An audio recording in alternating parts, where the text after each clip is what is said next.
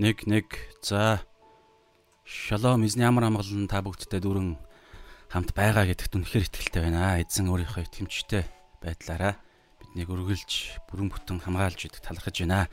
За бүгдээ хамтдаа өнөөдрийнхөө итгэн шийдэх цагийг залбираад эхлэе. Тэгээд э, би нэрээ бас нэг зүйлийг юусоо хэлж байгаагүй юм байлээ. Энэ цаг дээр Библээ бариад Библийг харангаа энэ цагтаа хамт байвал хамгийн үр дүнтэй байдаг. Зүгээр сонсох биш шүү. Ягаад гэвэл яг харах юм бол та яг энэ цагт Библи судлал хийж байгаа шүү. Тэгээд заавал одоо юу гэдэг нь дуустал нь биш те. Боломжоор ядаж ихний хэдэн минутанд өөрийнхөө боломжоор хамт байхдаа хүртэл Библийг харангаа гар утсаа бариад яг текстээ. Би яг нөгөө Библи дээрээ тулгуурлаж ярьж байгаа учраас хараад явбал танд тэнд нэг юм үлдэх байхаа гэж бодож байгаа шүү. За тэгээд хамтдаа залбираад эхлэе дуу гайгүй байна уу хамт байгаа хүн байвал зүгээр байна гэж биччихвэл талархах шүү. Эзэн минь энэ цагийн төлөө талархах тэгээ өнөөдрийн цагаар дамжуулан та биднэрт яриач эзэн бид таныг сонсож бид бас залбирал шийдвэр ухаарл зүрхнийхээ хандлагаараа эзэн тантай бас ярихыг хүсэж байна. Ариун сүнсээ таны талаарх бичвэрүүд гарч байгаа учраас та энэ цаг мөчид бидэнтэй хамт байгаач итгэгч нэг хувь хүн нэг бүрийн амьдралд идэж уух өмсөх зүү харилцаа гэд ямар ч зүйлээс амьдралын хэрэгцээ шаардлагаас хамаагүй илүү чухал зүйлийг энэ цагт эзэн бид үздэг гэзээ учраас эзэн минь та бид нартай хамт байж биднийг хөтлөн дагуулаач. Есүс энэ өдөр бурхан авраг ариун сүнсний хүчээр эзэн ариун сүнсэн даатхан залбирч байна. Бурхан аврага хандж байна. Амен За бүгд хамтдаа өнөөдрийнх хэсгийг хараад дуу гайгүй байгаа бол гайгүй байна гэж биччихвэл талархах шүү. Гэтэ асуудалгүй бол яах вэ бичихгүй байсан ч болно. Асуудалтай бол биччихээрэй. За тэгээд хамтдаа өнөөдрийнх хэсгийг бүгд уншия. За өнөөдрийн хэсэг маань бол Аа Йохан 14 дугаар бүлэг явж байгаа. Йохан 14-ийн 15-аас 31 гээд ариун сүнсийг амлсан гэдэг нэг том гарчгийн дотор аа бид нар задлаа задлаад явж байгаа. Тэг өнөөдрийн хэсэг бол та Библийг гаргаж байгаараа өнөөдрийн хэсэг бол Иохан 14-ийн 25-аас 31 дуусгаж байгаа шүү. Та Библийг гаргаж байгаа хооронд би гэлс мураа оруулах. Ирчиж. Тэгвэл саад болоод.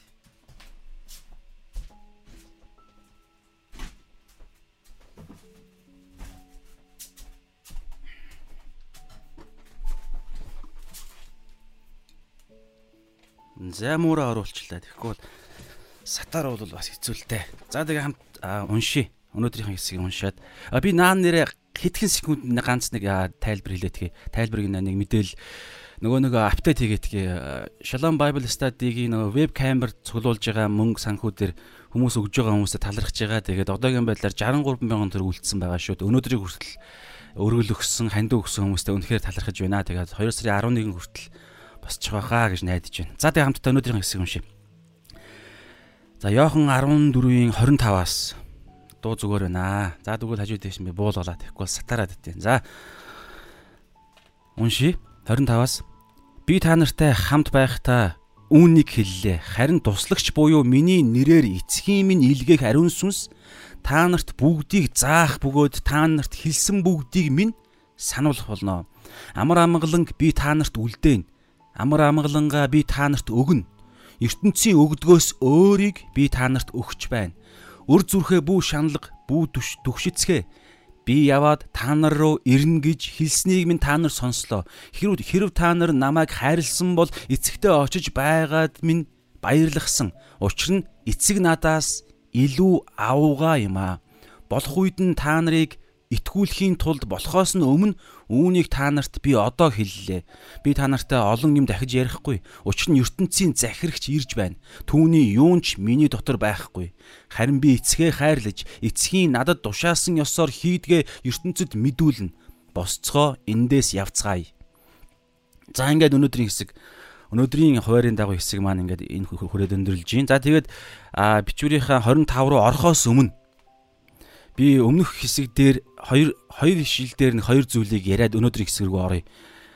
А яриахаа мартсан зүйл байлаа. Нэг зүйл бас нэмэлтээр мэдлээ. Тэр нь юу вэ гэхээр 16 17 дугаар ишлэл дээр нь хоёр зүйл яриадах юм.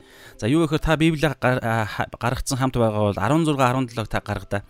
16 дээр Йох 14-ийнхээ 16 дээр ингэж байгаа. Энэ ишлэлийг биш үү те. Мусульман исламын шашны хүмүүсүүд энэ ишлэлийг гол ишлэлээ болгодог гинэ. Мухаммад эзнээс тэгээ бурхнаас нөгөө Аллахаас Аллагаас ирсэн нэгэн гэдгийг энэ ишлэл баталдгаа гэж тэд нар Библиэс гаргаж ирж үздэг юм хэлдэг юм байна л та. Энэ туслагч гэдэг үг ариун сүнсийг хэлж байгаа шүү дээ. Маш тодорхой энэ Библиэлд өнөөдрийн хэсэг дээр хүртэл гарч ирж байгаа. Тэр туслагч бол ариун сүнсээ гэдэг. Гэтэл тэрийг хам сэдвээс нь салгаж тэд нар исламын шашин Мохаммед энэ 10 Йохан 14 16 6 6-гийн энэ ишлэлээр баталт юм байна. За би уншаадах юм. Би эцгээс гуйхад тэр та нарт өөр туслагчийг өгнө. Тэр та нартай үүрт хамт байна гэдгийг энэ туслагч бол Мухаммад юм аа гэж тэд нар хэлдэг гинэ. За ингээд тэрнтэй хамааралтай аа ингээд юм ярьж байгаа. Тэгээд энийг бол хам сэдвэн шууд үгүйсгэж байгаа. Энийг энэ дээр бол би өнөөдрийн хэсэг сэдв зориг биш учраас энэ дээр бол цаг авахгүй. Тэгээд зөвхөн өмнөх үдсэн хэсэг дээр байгаа энэ өөр гэдэг энэ үгийг бид нэр үдсэн санаж байгаа бол та тий их хэл дээрээ хоёр грек хэл дээр энэ англи хэл дээр another те одоо монгол хэл дээр өөр гэж хэлж байгаа те өөр бас нэгэн гэсэн санаа шүү дээ. Өөр ялгаатай гэж хэлээгүй. Бас нэгэн туслагчийг гэж хэлж байгаа монгол хэлээр орчуулах юм бол англи хэл дээр бол another гэд грек хэл дээр болохоор энэ өөр бас нэгэн гэдэг энэ үгэн дээр хоёр үг байдаг гэж бид нар урд нь үтсэн те. А нэг нь бол би а яг ялгаатай энээс одоо энэ Аа тэгээ энэ талхнаас ч юм уу энэ бараанаас өөр ялгаатай өөр нэгийг над руу өгөөч гэд худалдагчид хилдэгтэй адилхан ялгаатай гэдэг нэг хэрэглээ байдаг. Харин энтэй яг адилхан өөр нэгийг бас нэгийг дахиад нэгийг яг энтэй адилхан бас нэгийг авъя гэд худалдагчаас захиалдаг шиг ийм хоёр хэрэглээ байдгийн энэ ишлэл дээр Арос, Аллос гэж байгаа. Аллос буюу яг адилхан нэг нэг гэдэг хэрэглээний грек үг нь байгаа гэж бид нар үзсэн шүү дээ. Тэр утгаараа Есүстэй яг адилхан нэг нэг гэж хэлж байгаа. Тэгээ энийг бол зүгээр нэмэлт бид нар зүгээр эргээд санаатах юм. Тэгээд яг энэ 16-ыг би хэлж байгаа шалтгаан нь бол зүгээр мэдээлэл маягаар. Тэгээд хам сэдвэр нь бол энэ ерөөсө тэрийг баталдаггүй юу? Аа Мухаммед гэдэг санаагаар бол ерөөсөө хилдэггүй. Шууд ариун сүнс яг Есүстэй адилхан тэнгэрлэг мөн чанартай гурвлын нэгэн болох яг адилхан мөн чанартай эрх мэдэлтэй бурханлаг нэг нэг илгээнэд гэж хэлдэг. За тэгээд 17 дугаар ишлэлээр бид нартай хамааралтай үзэж байгаа зүйлтэй маань хамааралтай нэг 17 дээр нэг зүйлийг би хэлэхээ мартсан байлээ. Одоо хэлээд хийн маш хамааралтай. Тэгээд энэ давхар бас саяны ярьсан Мухаммадын хэлэх гээд байгаа санаагч гэсэн бас эсэргүүцдэг. Мухаммад гэж хэлдэг исламчуудын. За 17-ыг би уншаадах юм. Өнөөдрийн бидний 25-аас 31-ийн үзэх хэсэгтэй бас хамааралтай. За Йох 14 17 Тэр бол үнний сүнс бөгөөд шууд 10 16-аас 16-гийн те тэр туслагчийг шууд энд хэлж байгааз үнний сүнс. Тэгэхээр Мухаммед бол сүнс биш шүү дээ хүн байсан. Ингээл дор нь батлан дараагийн ишлэн шууд баталж байгаа юм. Тэгээ үнний сүнс Мухаммед үннийх биш. Тэгээ үнний сүнс гэж өөрийгөө хэлж хэлжсэн ч зүйл байдаггүй гэж байна. Сүнс биш Мухаммед бол бодиттой нүдэнд харагддаг. Тэр яг одоо миний хэлэх гээд байгаа өнөөдрийн хэсэгтээ хамааралтайгаар хуваалцах гээд байгаа зүйл юу вэ гэхээр 17 дээр Тэр бол үнний сүнс бөгөөд түүнийг харахгүй мэдэхгүйгээсээ болж ертөнц түүнийг хүлээж авч чадахгүй. Энэ дээр ариун сүнсийг ярьж байгаа мэдээж. Тэгээ ариун сүнсийг хинч харж чадахгүй. Итгэгч нар ч гэсэн харж чадахгүй. Хүний махан бодийн нүдэнд харагдах боломжгүй. Харин итгэгч нар бол одоо энэ дараагаар нь бид нар та нар түүнийг мэднэ гэж эхэлж байгаа. Гэхдээ ертөнц болохоор ариун сүнсийг харж чадахгүй, бас мэдэхгүй юу ариун сүнс байтугай бурхан гэдэг дээр ч мэдээлэлгүй дээр нэмээд хүн сүнстэй юм уу гэдэг дээр ч ихсэн асуудалтай хүмүүс янз бүр юм ярьдаг те. Тэр утгаараа ариун сүнсийг хүлээж авч чадахгүй гэж ярьж байгаа. За тэгэр яах вэ? хамгийн гол э, нэмэлт урд нь ярьсан хэсгээ би тавтаж нэг шин мэдээллийг ярих гэдэг шүү дээ. Тэгэхээр Монгол орчуулган дээр ингэж орчуулсан байгаа байхгүй юу? Одоо за би уншия. Тэр бол үнний сүнс бөгөөд түүнийг харахгүй харахгүй мэдэхгүйгээсээ болж ертөнц түүнийг хүлээж авч чадахгүй. За одооноос тэр та нартай хамт байх бөгөөд ариун сүнс үнний сүнс та нартай хамт байх бөгөөд та нарын дотор байх тул гिचж байгаа байхгүй юу Монгол орчуулган дээр. Гэтэл а тэгээд хамт байх тул та нар түүнийг мэднэ гэж орчуулсан байгаад байгаа юм. Би яг хуу ингэж орчуулахаар биднэрт бол илүү гой ойлгомжтой болж байгаа. Гэхдээ нэг харах өнцгөөс нэг зүйл дээр жоохон өөр болчихж байгаа байхгүй юу? Юу гэхээр англи хэлний бүх орчуулган дээр дээр нь нэмээд бисээ харлаа. Грек хэл их хэлэн дээр хүртэл энэ ээлж дараа алдагдчихад байгаа байхгүй. Монгол хэлийг та харах юм бол монгол орчуулган дээр ингэж байгааз эхлээд таарах юм бол тэр та нартай хамт байх бөгөөд эхлээд хилэгдэж байгаа санаа санаа нь бол ариун үнний сүнс та нартай хамт байх ба бөгөөд та нарын дотор байх тул дотор байгаа ухраас гэж байгаа юм шиг орчуулсан байгаа байхгүй. Гэтэ угаасаа энэ бол бидний өнцгөөс те чуулганы үед нэгүслийн үед яг одоо бидний хувьд бол энэ бол их гоё ойлгомжтой. Гэхдээ яг тухайн 12-тоогоо Есүс ярьж байгаа шүү дээ. 12-тоогоо 10 11-ийн дагалдагч нартайгаа дээврийн өрөө те загалмайд цовдлогдохын өмнөх орой хэдхэн цагийн өмнө ярьж байгаа. Тэдний өнцгөөс буюу яг Библи бичигдсэн их хэл дээрээ дараагаар нь King James те NIV одоо манай 2010 манай энэ Библийн орчуулга NRSV бүх зүйл дээрээ эхлээд нэг үг нь ихэнд байгаа байхгүй юу? Тэрийг би яагаад чухалчлах гээд байгаа гэхээр тэр тэр орчуулгаас нь бүгдээрээ харах юм бол нэг санаа тодорч гарч ирж байна. Гарч ирж байгаа. Тэр нь юу гэхээр ингэж байгаа байхгүй юу? За одоо монгол хэлэн дээр бол ингэж байгаа шүү дээ. Тэр та нартай хамт байх бөгөөд та нарын дотор байх тул та нар түүнийг мэднэ гэж байгаа. Гэтэл англи хэлэн дээр грек хэлэн дээр юу гэж байгаа гэхээр эхлээд та нар түүнийг мэднэ гэж эхэлж байгаа байхгүй юу? За би ингээд грек англи юуг нь англиг нь би уншия. За ингээд түрүүний хэлсэн санаатай Spirit of Truth whom the world cannot receive because it neither sees him nor knows him. За энэ яг ингээд та ертөнц түүнийг те харахгүй мэдхгүйгээсээ болж түүнийг хүлээж авч чадахгүй. За одоо эндээс but you know him гэдэг нь ихэндээ байгаа байхгүй юу? But you know him. Та нар түүнийг мэддэг. Энийг би яагаад хэлэх гээд байгаа гэхээр эндээс яг энэ Библи грек хэлэн дээр англи бүх орчуулган дээр байгаа эхэлж та нар түүнийг мэддэг. Гэхдээ та нар түүнийг мэддэг гэдг нь ихэндээ байгаа. Тэгээд but you know him for he dwells with you буюу тэр та нартай because гэдэг юм уу те NRS бид бол because гэж хэлсэн. Аа гэхдээ та нар түүнийг мэддэг. Яагаад гэвэл та нар тэр та нартай хамт байдаг те for he dwells with with you те тэр та нартай хамт байдаг and will be in you буюу мөн та нартай хамт байх болно. Энэ ээлж дараа маш чухал байдаг. Грек хэлэн дээр англи бүх орчуулган дээр байгаа энэ дэс дараа яг зүгээр одоо энэ Монголын энэ орчуулчин орчуулга бол биднэрт илүү ойлгомжтой болчихж байгаа юм. 2020 онд амьдарж байгаа эцсийн цаг үед нэгүслийн цаг үед амьдарж байгаа бидний хувьд бол энэ ээлж дараа нь илүү ойлгомжтой. Ягаад вэ гэхээр бид нар эхлээд ариун сүнстэй одоо энэ яг өөрсдийнхөө орчуулга харъя л да. Аа та нарын дотор тэр та нартай хамт байх тул та нарын дотор байх тул дараа нь та нар түүнийг мэднэ гэдэг санаагаар бол эцсийн цаг үед буюу бид нар харин үндэстэн биднэрт илүү ойлгомжтой. Гэхдээ яг тухайн хүлээн яг энэ үгийг хэлэхэд дээврийн өрөөн дээр хэлэхэд хүлээж авч исэн юдэ а хүмүүс болох те 10 11 юудаас гараа авцсан 11 дагалдагч нарын хувьд энэ англи грек орчуулга нэг зүйлийг харуулж байгаа байхгүй. Тэр нь юу вэ? Тэрийг би зүгээр нэмэлт мэдээлэл маягаар хуваалцах гэдэг юм. Юу вэ гэхээр Есүсээс өмнө Есүсээс өмнө нэгдүгээрт хоёрдугаар Пентекостийн өдөр ариун сүнс бууж ирэхээс өмнө юдэчүүд ариун сүнсийг мэддэг байсан мэддэг байсан. Түрүү энд мэддэг байсан. Тэрэн дээр бол э, олон ишлэл ишлүүд хэлж болно. Нэг тодорхой ишлэл бид нар Монгол Монгол бишээ энэ Америкчуудын орчуулсан дуу баха нөгөө ирээж та өөрийн ариун сүнсээ надаас бүү аваач гэдэг дуу чинь дуулал 51-р бүлгийн 11-р ишлэл байхгүй юу? Дуулал 51-11. Дуулал 51-11 дээр юу гэж байгаа вэ гэхээр ингэж байгаа. Аа дуулал би гаргаж юу гаргаагүй байна уу? За гаргаагүй байна. Ерөнхийдөө та өөрийн оршихугаас намайг бүү холдуулаач. Та ариун сүнсээ өөрийн ариун сүнсээ надаас бүү аваач гэж Есүсээс бүр 1000 орчим жилийн өмнө Давидын анжил чинь тэ 1050-аас 1000 гэдэг чинь тэгээ 50 50-аар ингээд 3 анжил явдаг шүү дээ. А Давидынх чинь Саулынх чинь 1050-аас 1000, Давидынх чинь 1000-аас 950 билүү. Тэгээд Соломоных нь 950-аас 900 жилөө ингээд 50 50-аар явдаг. Тэгэхээр ойролцоогоо Есүсээс өмнө 1000 гаруй жилийн өмнө байсан Давид ингэж хэлсэн байгааз Явхва цор ганц бурхнаас та өөрийн ариун сүнсээ надаас бүү аваач. Тэгэхээр энэ мэтчлэн юдэчүүд ариун сүнсийг мэддэг байсан. Тэр утгаараа Есүс эхлээд ингэж хэлж байгаа байхгүй та нар түүнийг мэднэ. Өдөр 17 17 хараад штэ.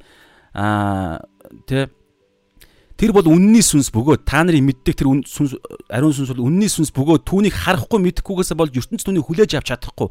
Харин тэ а 17 хааны энэ а хүлээж авч чадахгүй. Харин тэр та нартай Монгол дээр бол жоо өөр байгаа. Харин англи хэл дээр бол харин та нар түүнийг мэднэ гэдг нь ихэндээ байгаа. Яагаад вэ гэхээр хуучин гэрэн та нар түүнийг мэддэг байсан. Дээр нь нэмээд та нар түүн а англи англи дээр ингэж байгаа байхгүй та нар түүнийг мэднэ мөн яагаад гэвэл та нар түүнийг мэднэ мөн тэр та нартай хамт байсан хамт байдаг хуучин гэрээний үед ариун сүнс бууж ирээд ямар нэгэн байдлаар тодорхой хүнд тодорхой зорилгоор ариун сүнс бууж ирээд тэг буцаагаад авагддаг байсан.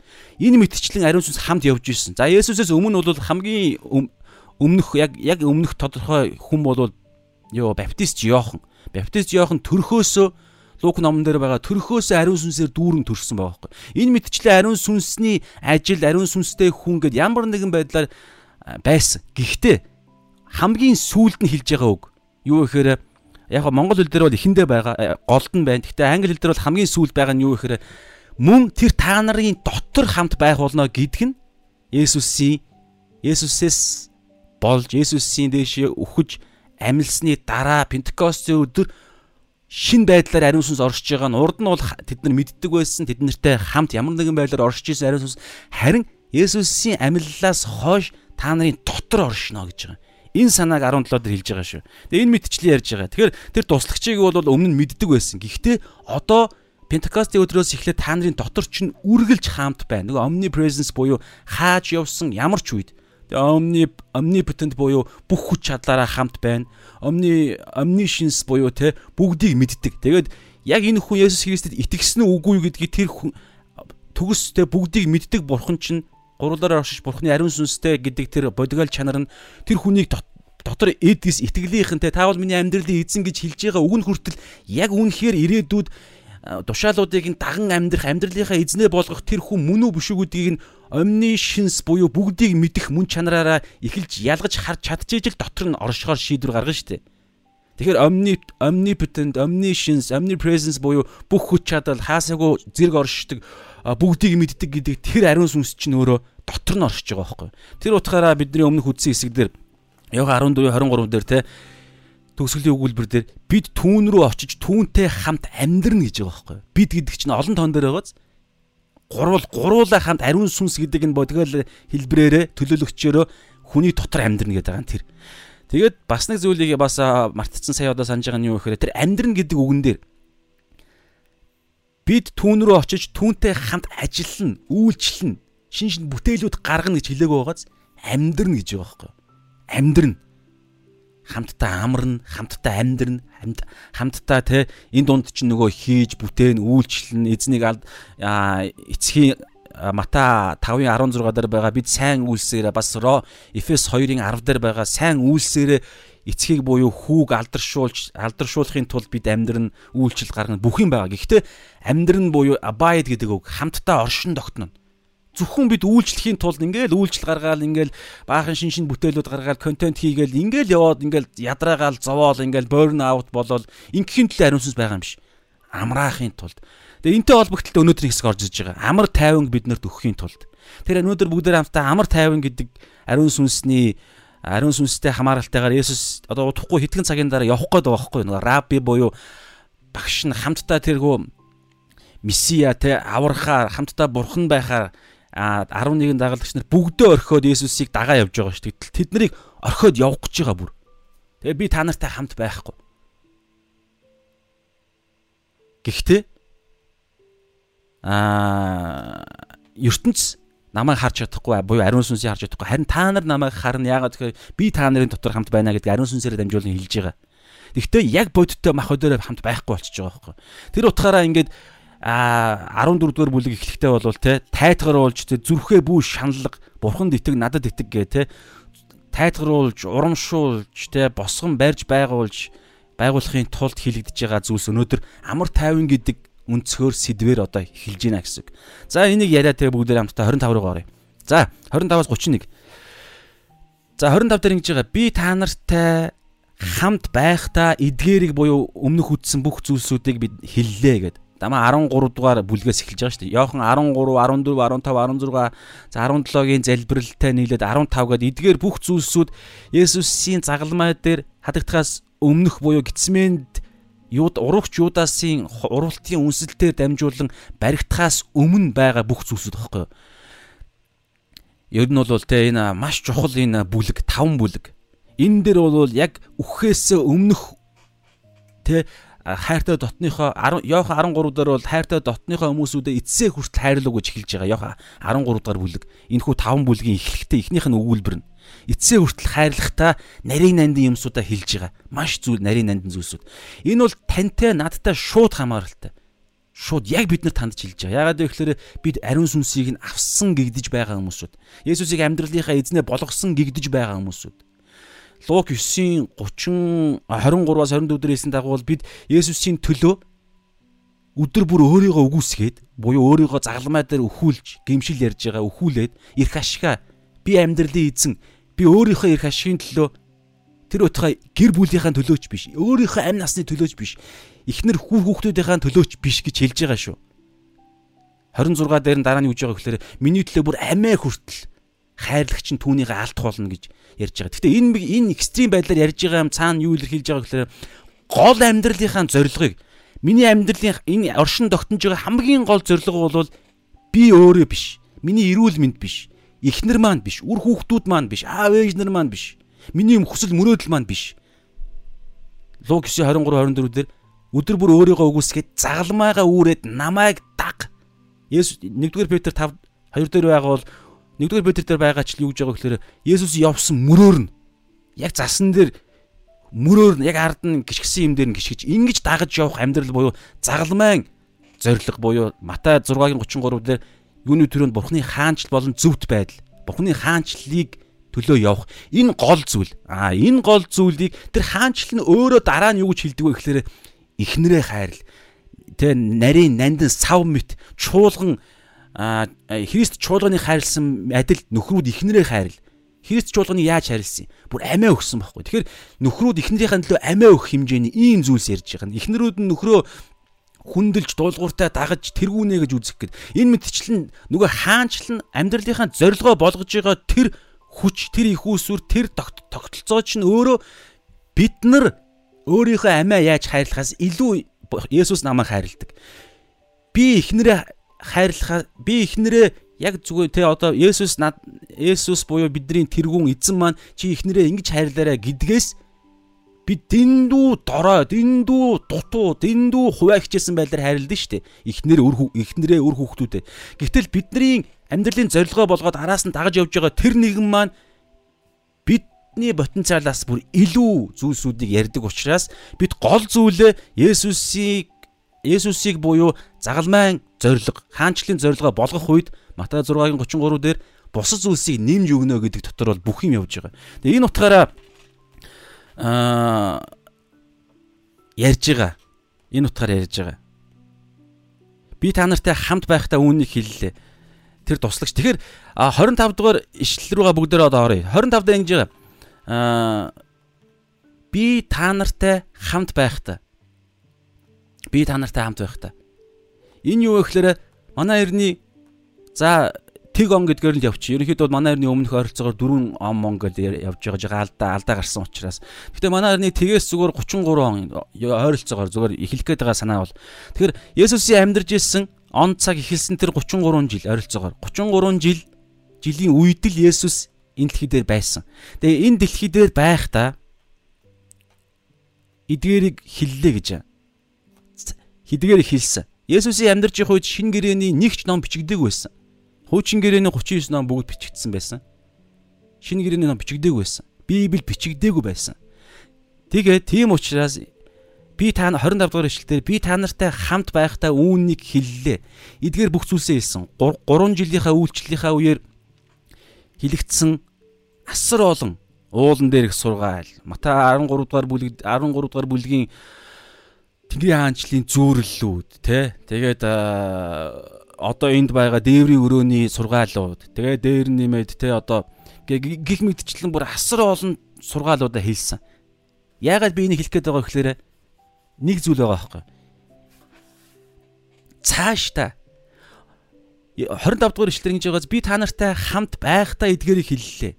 Тэгээ Есүс одоо гэж байгаа. Есүсийг явсны дараа хэлсэн үг болгоныг хэлсэн номлосон номлол болгоныг яаж 11 элчнэр за Паултай нэлээд 12 гэдэг юм уу те эдгэр хүмүүсүүд яаж санаж цээжилж ойлгож Библийн шинэ гэрээний 27 номыг бичих вэ? Яаж?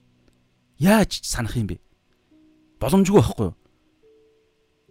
Хүний шинжлэх ухаан ч гэсэн баталж байгаа хүн хүний тарих ингэж юмаа мартдаг. Мартах нь хүртэл ирүүл бас зүйл гэж хэлдэг штэ. Мартахгүй ингээл бүх юмаа санаад байвал хүн чинь бүр галзуурах байхгүй юу? Өнгөрсөн одоо би бол багтаа бол асар их гэр бүлийн хүчрхийл донд өссөн бид би бол олон гэр бүл тийм байгаа. Тэгэхээр тэр болгоныг тэр аимшигтэй зовлон тэр аимшигтэй зүмийг санаж явбал би энэ тархичин дийлэхгүй байхгүй. Тийм учраас хүн мартдаг. За санахыг хүсэж байгаа юм ингээ санд. Гэхдээ Есүсийн хэлсэн бүр Иохан дээр байгаа шүү дээ. Есүсийн хэлсэн номлол, сургаал, гайхамшгуудыг хэрэг бүгдийг нь бичнэ гэвэл гэвэл энэ ном гүйцэхгүй энэ дэлхийн дэлхий дээр багтахгүй гэж ярьж байгаа. Иохан дээр тэгж байгаа. Сүүлийн аа сүүлийн 20 тэгээ сүүлийн хоёр бүлэг дээр хоёр бүлгийн төгсгөл дээр нь байгаа. Тэгэхээр яаж тэд нар цээжлэх вэ? Яаж санах вэ гэдэг дээр одоо ариун сүнс орж иж байгаа байхгүй юу? За бүгдээ 25-ын дараагийн 25 дээр тэгж байгаа. 25-ын дараагийн ишил буюу 26 дээр энийг одоо гаргаж байна. За 25 дахиад уншаад 26 руу оръё. Би та нартай хамт байхдаа үүнийг хэллээ. 26 харин туслагч буюу миний нэрээр эцгийн минь илгээх ариун сүнс Мухаммад биш байгааз. За тэр яг миний миний нэрээр илгээх ариун сүнс та нарт бүгдийг заах болно нэгдүгээрт. Заах бөгөөд та нарт хэлсэн бүгдийг минь сануулах болно энд орж ирж байгаа. Энд чинь нөгөө ариун сүнс ч орж ирж байгаа. Энд ариун сүнс орж ирээд энд ариун сүнсний ирсэн зориг. Хоёр хэмжээст ярьж байна. Нэгдүгээрт яг шинэ гэрээний 27 намыг бичсэн тэдгэр хүмүүс сүудэд нэг төлөв байдлаар буюу хамгийн а бүрэн потенциалаараа ариун сүнс тэднэрт бүгдийг сануулж цээжлүү сануулж бүр шин зүйлсүүдийг хүртэл хэлж байгаа шүү. Есүсийн хэл 3 жил 3 жилийн үйлчлэлийн үеэр хилэгдээгүй нэмэлт мэдээллүүдийг хэлнэ. За энэ ишлэгийг хаанаас гаргаж ирж байгаа гэхээр та Иохан 16-гийнхаа 20 12 13-ыг унштай гаргадаа. Иохан 16-ыг дараагийн бүлэг дараагийн дараагийн бүлгийн за ингэж байгаа. Иохан 16-гийн 12 13 дээр ингэж байгаа та нарт Есүс хэлж байгаа. Нөгөө дээврийн өрөө те нөгөө нэг өхөөс өмнөх 11 элч нартай шинэ гэрээг бичих хүмүүс шүү дээ. Эднээс зарим нь та нарт хэлэх зүйл надад олон байгаач та нар одоо түүнийг дааж чадахгүй гэж. Дааж чадахгүй. Хүний тарих гүйцэхгүй. Ойлгох хүчгүй, боломжч байхгүй, цаг нь ч болоогүй гэсэн үг. Төлөв байдал нь болоогүй гэсэн. Тэгээд ийм болоогүй байдалтай Есүс явах гээд байгаа байхгүй юу? Гэхдээ 13 дахь дараагийн ишлэлээр нь харин үнний сүнс эрэхтэй нөгөө ариун сүнсийг ярьж байгаа үнний сүнс 2 дугаар Тимот 3:16 дээр хэлж байгаа шүү дээ. Бичвэр бүр Бурхны амьсгал буюу ариун сүнс гэсэн үг байхгүй юу? Эхлэл 1-ийн Эхлэл 2-ын Эхлэл 2-ын 7 дээр байгаа. 7 хавцаа байгаа. Есүс Адамыг Есүс гинэ Бурхан Адамыг бүтээгээд амин амьсгалыг нь хамраар нь үлээж оруулсан. Тэр бол ариун сүнс. Амин амьсгал. Яг 2 дугаар Тимот 3:16 дээр бичвэр бүр буюу энэ 66 ном. За тэр дундаа бол тийм аа за ялгаа авахгүй бичвэр бүр хуучин гэрээнд ч ялгаа авахгүй бичвэр бүр Бурхны амьсгалснаар байгаа бөгөөд буюу ариун сүнсээр ариун сүнсний амьсгал онгод гэсэн үг шүү дээ. Амьсгалснаар байгаа бөгөөд заахад, зэмлэхэд, залруулахад, зүвт байдал чиглүүлэхэд тустай гэж ярьж байгаа. Энэ бүх хүм итгэж хүмүүсүүдийг бэлдэх зорилготой. Тэгэхээр ариун сүнс одоо энэ 13 дээр 12 дээр нь Йох 16 12 дээр тэгсэн шүү дээ. Есүс энэ дэлхий дээр байх тэр манай эртний 30-аас тий 33 он хүртэл амьдарч их хугацаанд ойролцоогоор амьдарч их хугацаанд бүгдийг яриаггүй. Библийн бичээч нарт бүгдийг хэлээгүй гэсэн. Харин дээш яваад үж байгаа. Тэгээ дээр байхдаа өөрийнхөө бодгойлын яг адилхан түрүүн 16 дээр байсанчлан яг 14 16 дээр байсанчлан надтай яг адилхан мөн чанартай яг адилхан эрх мэдэлтэй яг адилхан нэг бодгойл те бодгойл болох гурвлын нэг хэсэг болох ариун сүнсийг би илгээхдээ тэр сүнс яах вэ гэхээр өөрөөсөө юу ч ярихгүй гэж байгаа. Өөрөөсөө юу ч ярихгүй. 13 дээр одоо би 13 уншичи.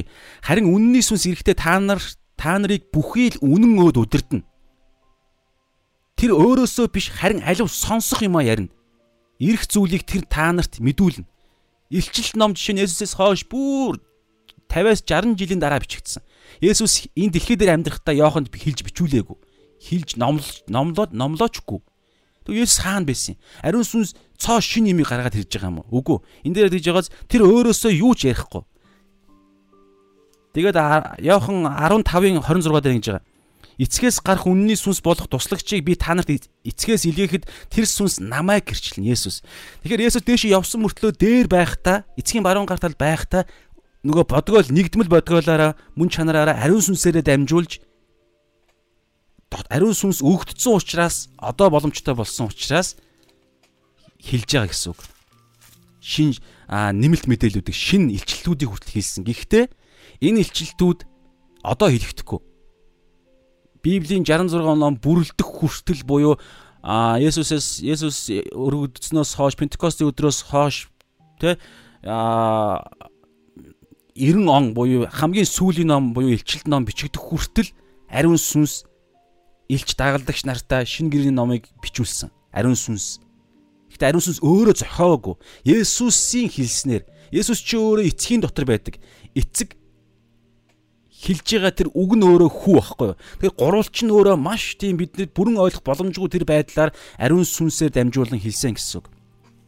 Тэгэд ингэж хэлснийг нь ариун сүнстэй хүмүүс нь өөрсдөө тухайн үедээ амьсгалаар онгодоор гэж ярьж байгаа ариун сүнсний амьсгалаар бичиж байгаа байхгүй. Тэгэхээр ингэх боломж нь уг нь боломжгүй. Ягаад тэгэхээр хүний түрүү хэлсэнчлэн хүний тарих гүйцэхгүй байхгүй.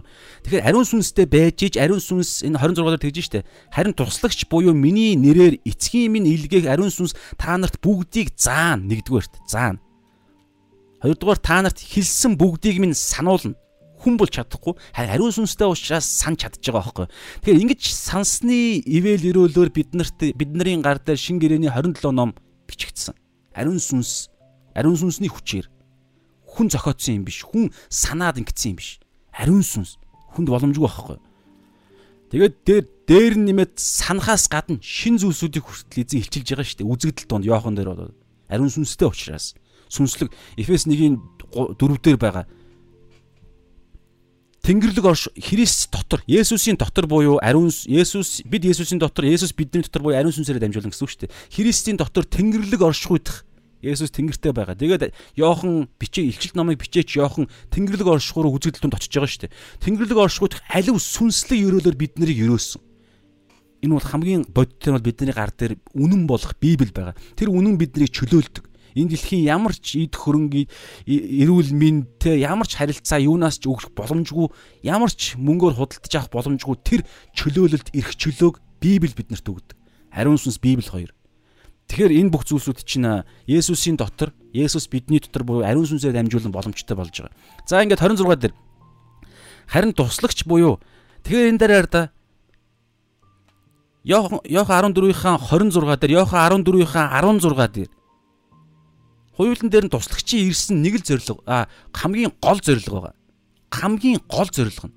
Энэ гол зорилго юу вэ гэхээр 26 дээрээ байгаа бүх зүйлсийг бид нарт заах зорилготой.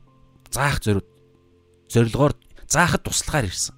Дээр нь нэмээд энэ бүх зүйл гэдэг дээр бүх зүйл бүх зүйл гэдгийг цааш нь дэлгэрүүлж юу хэлж байгаа вэ гэхээр Есүсийн хэлсэн бүх зүйлс гэдгийг Түүнээсээр би шинжлэх ухааны бүх мэдээллүүдийг бүх энэ дэлхий дээр байгаа англи, солонгос, хятад те бүх хэлүүдийг ингэж амлаагүй.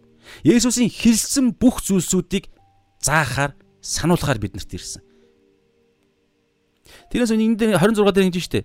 Аа эцгийн минь илгээх ариун сүнс та нарт бүгдийг заах бөгөөд тэр та нарт хэлсэн бүгдийг минь сануулах болно. Тэгэхээр энэ бүгдийг гэж байгаа. Энэ бүгдийг гэдэг дээр түрүүн хэлсэн Есүсийн хэлсэн тушаасан бүгдийг гэсэн үг байхгүй юу. Тэгэхээр тэгвэл тэгээд юу юм бэ? Бус нь яах юм бэ гэвэл хамгийн биднэрт хэрэгцээтэй биднэрт бидний нүдийг нээх бидний те одоо багжаа болгох ариун сүнсний сэлэн болоод ингээд энэ дэлхий дээр амьдрын туллахад хэрэгцээтэй бүх зүйлсийг хэлсэн. Библиэлд байгаа. Шинжлэх ухаанд байхгүй гэсэн үг. Хэл тэр хэдгээр хэлүүдийг сурахад цагаа зориулсан мэдээч бидний багт шүү дээ. Гэхдээ хамгийн гол зүйл Библи. Библи дотор бидний амьд хэрэгтэй зүйлс байгаа. Энийг хэн нэгэн зохиогоогүй. Энд өөрөө бичээс дээр нь байгаа. Тэгэхээр бид Библиэд Библиэд итгэдэг хүмүүс бол эдгээр хүсүүдийг үнэн гэж бид нар итгэж байгаа гэсэн үг шүү дээ. 26 дээр хэлж байгаа ариун эцгээс минь эцгийн тэ харин туслагч буюу миний нэрээр үг эцгийн минь илгээх ариун сүнс та нарт бүгдийг заах бол бүгдийг шинжлэх ухаан зааж чадахгүй библи бүгдийг заа. Тэгэхээр библи судлахдаа хамаг цаг заваа хамаг тэ юмаа зориулах хэрэгтэй. Хамаг гэж ярьж байгаа тэ бид а үүнийг хамгийн гол тэ priority буюу тэ хэлж чадахгүй мөртлөөс хэлэх гээд байна. А гол зорилгоо болох хэрэгтэй гэсэн санаа байхгүй. Тэрнээсээ бүх цагаа Библиэд судлаа тэгээд хичээлээ үзэхгүй, англи хэлээ үзэхгүй гэдэг юм яриаггүй шүү дээ. Хамгийн гол хүсэн хүлээх юм а Библи судлах цагаа. Тэгэхгүй бол яаж бид Библиэ энэ бүх хэлсэн зүйлсүүдийг судалдаггүй үжиж яаж бид Бурханаас Бурханд гомдлох юм бэ? Яаж бид Бурханаас гуйгаад хариултаа аавна гэж найдах юм бэ?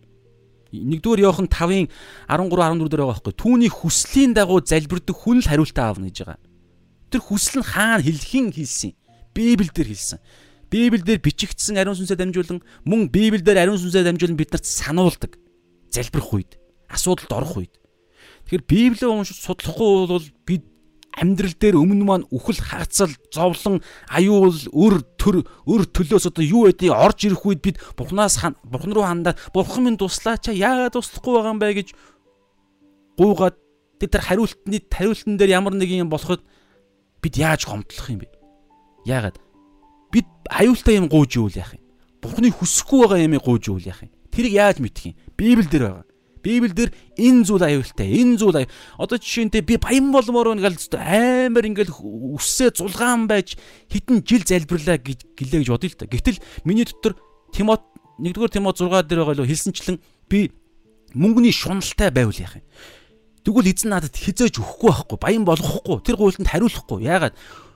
А Матай 6-гийн 24 дээр хэлж байгаа. Хоёр эзэнд зэрэг үйлчлэх ямар ч боломжгүй. Нэгдүгээрт бурхан гэж байгаа. Нөгөө нөгөөдгөөрт мөнгө гэж байгаа. Эд баялаг, мөнгө, маммон. Энэ мөнгөний шунал чинь биднийг авралаас холдуулах сатааны хамгийн том багаж байхгүй. Гэтэл бид авар ийм цаагаараа баг ийм залбирал хийж явах магадaltaй байхгүй. Эзэн минь ээ би баян болмоор байна. Би мөнгөтэй болмоор байна. Ингэснээрээ би авралаасаа салмаар байна Өөрөө мэдхгүй мэхлэгдсэн. Өөрийгөө мэхэлсэн. Тэгсэн мөртлөө яагаад би ингэж ярих гэдэг вэ гэхээр хувь хүний дотор мөнгөний шунал, мөнгийг бүр ингэж шүтцсэн, мөнгө мөнгө л байвал би болно гэдэг тийм хандлагатай хүн байгаа гэж итгэгч хүн байлаа гэж бодоход бурхнаасаа гуйхад бурхан тэр хүнд өгөхгүй шүү дээ. Яагаад?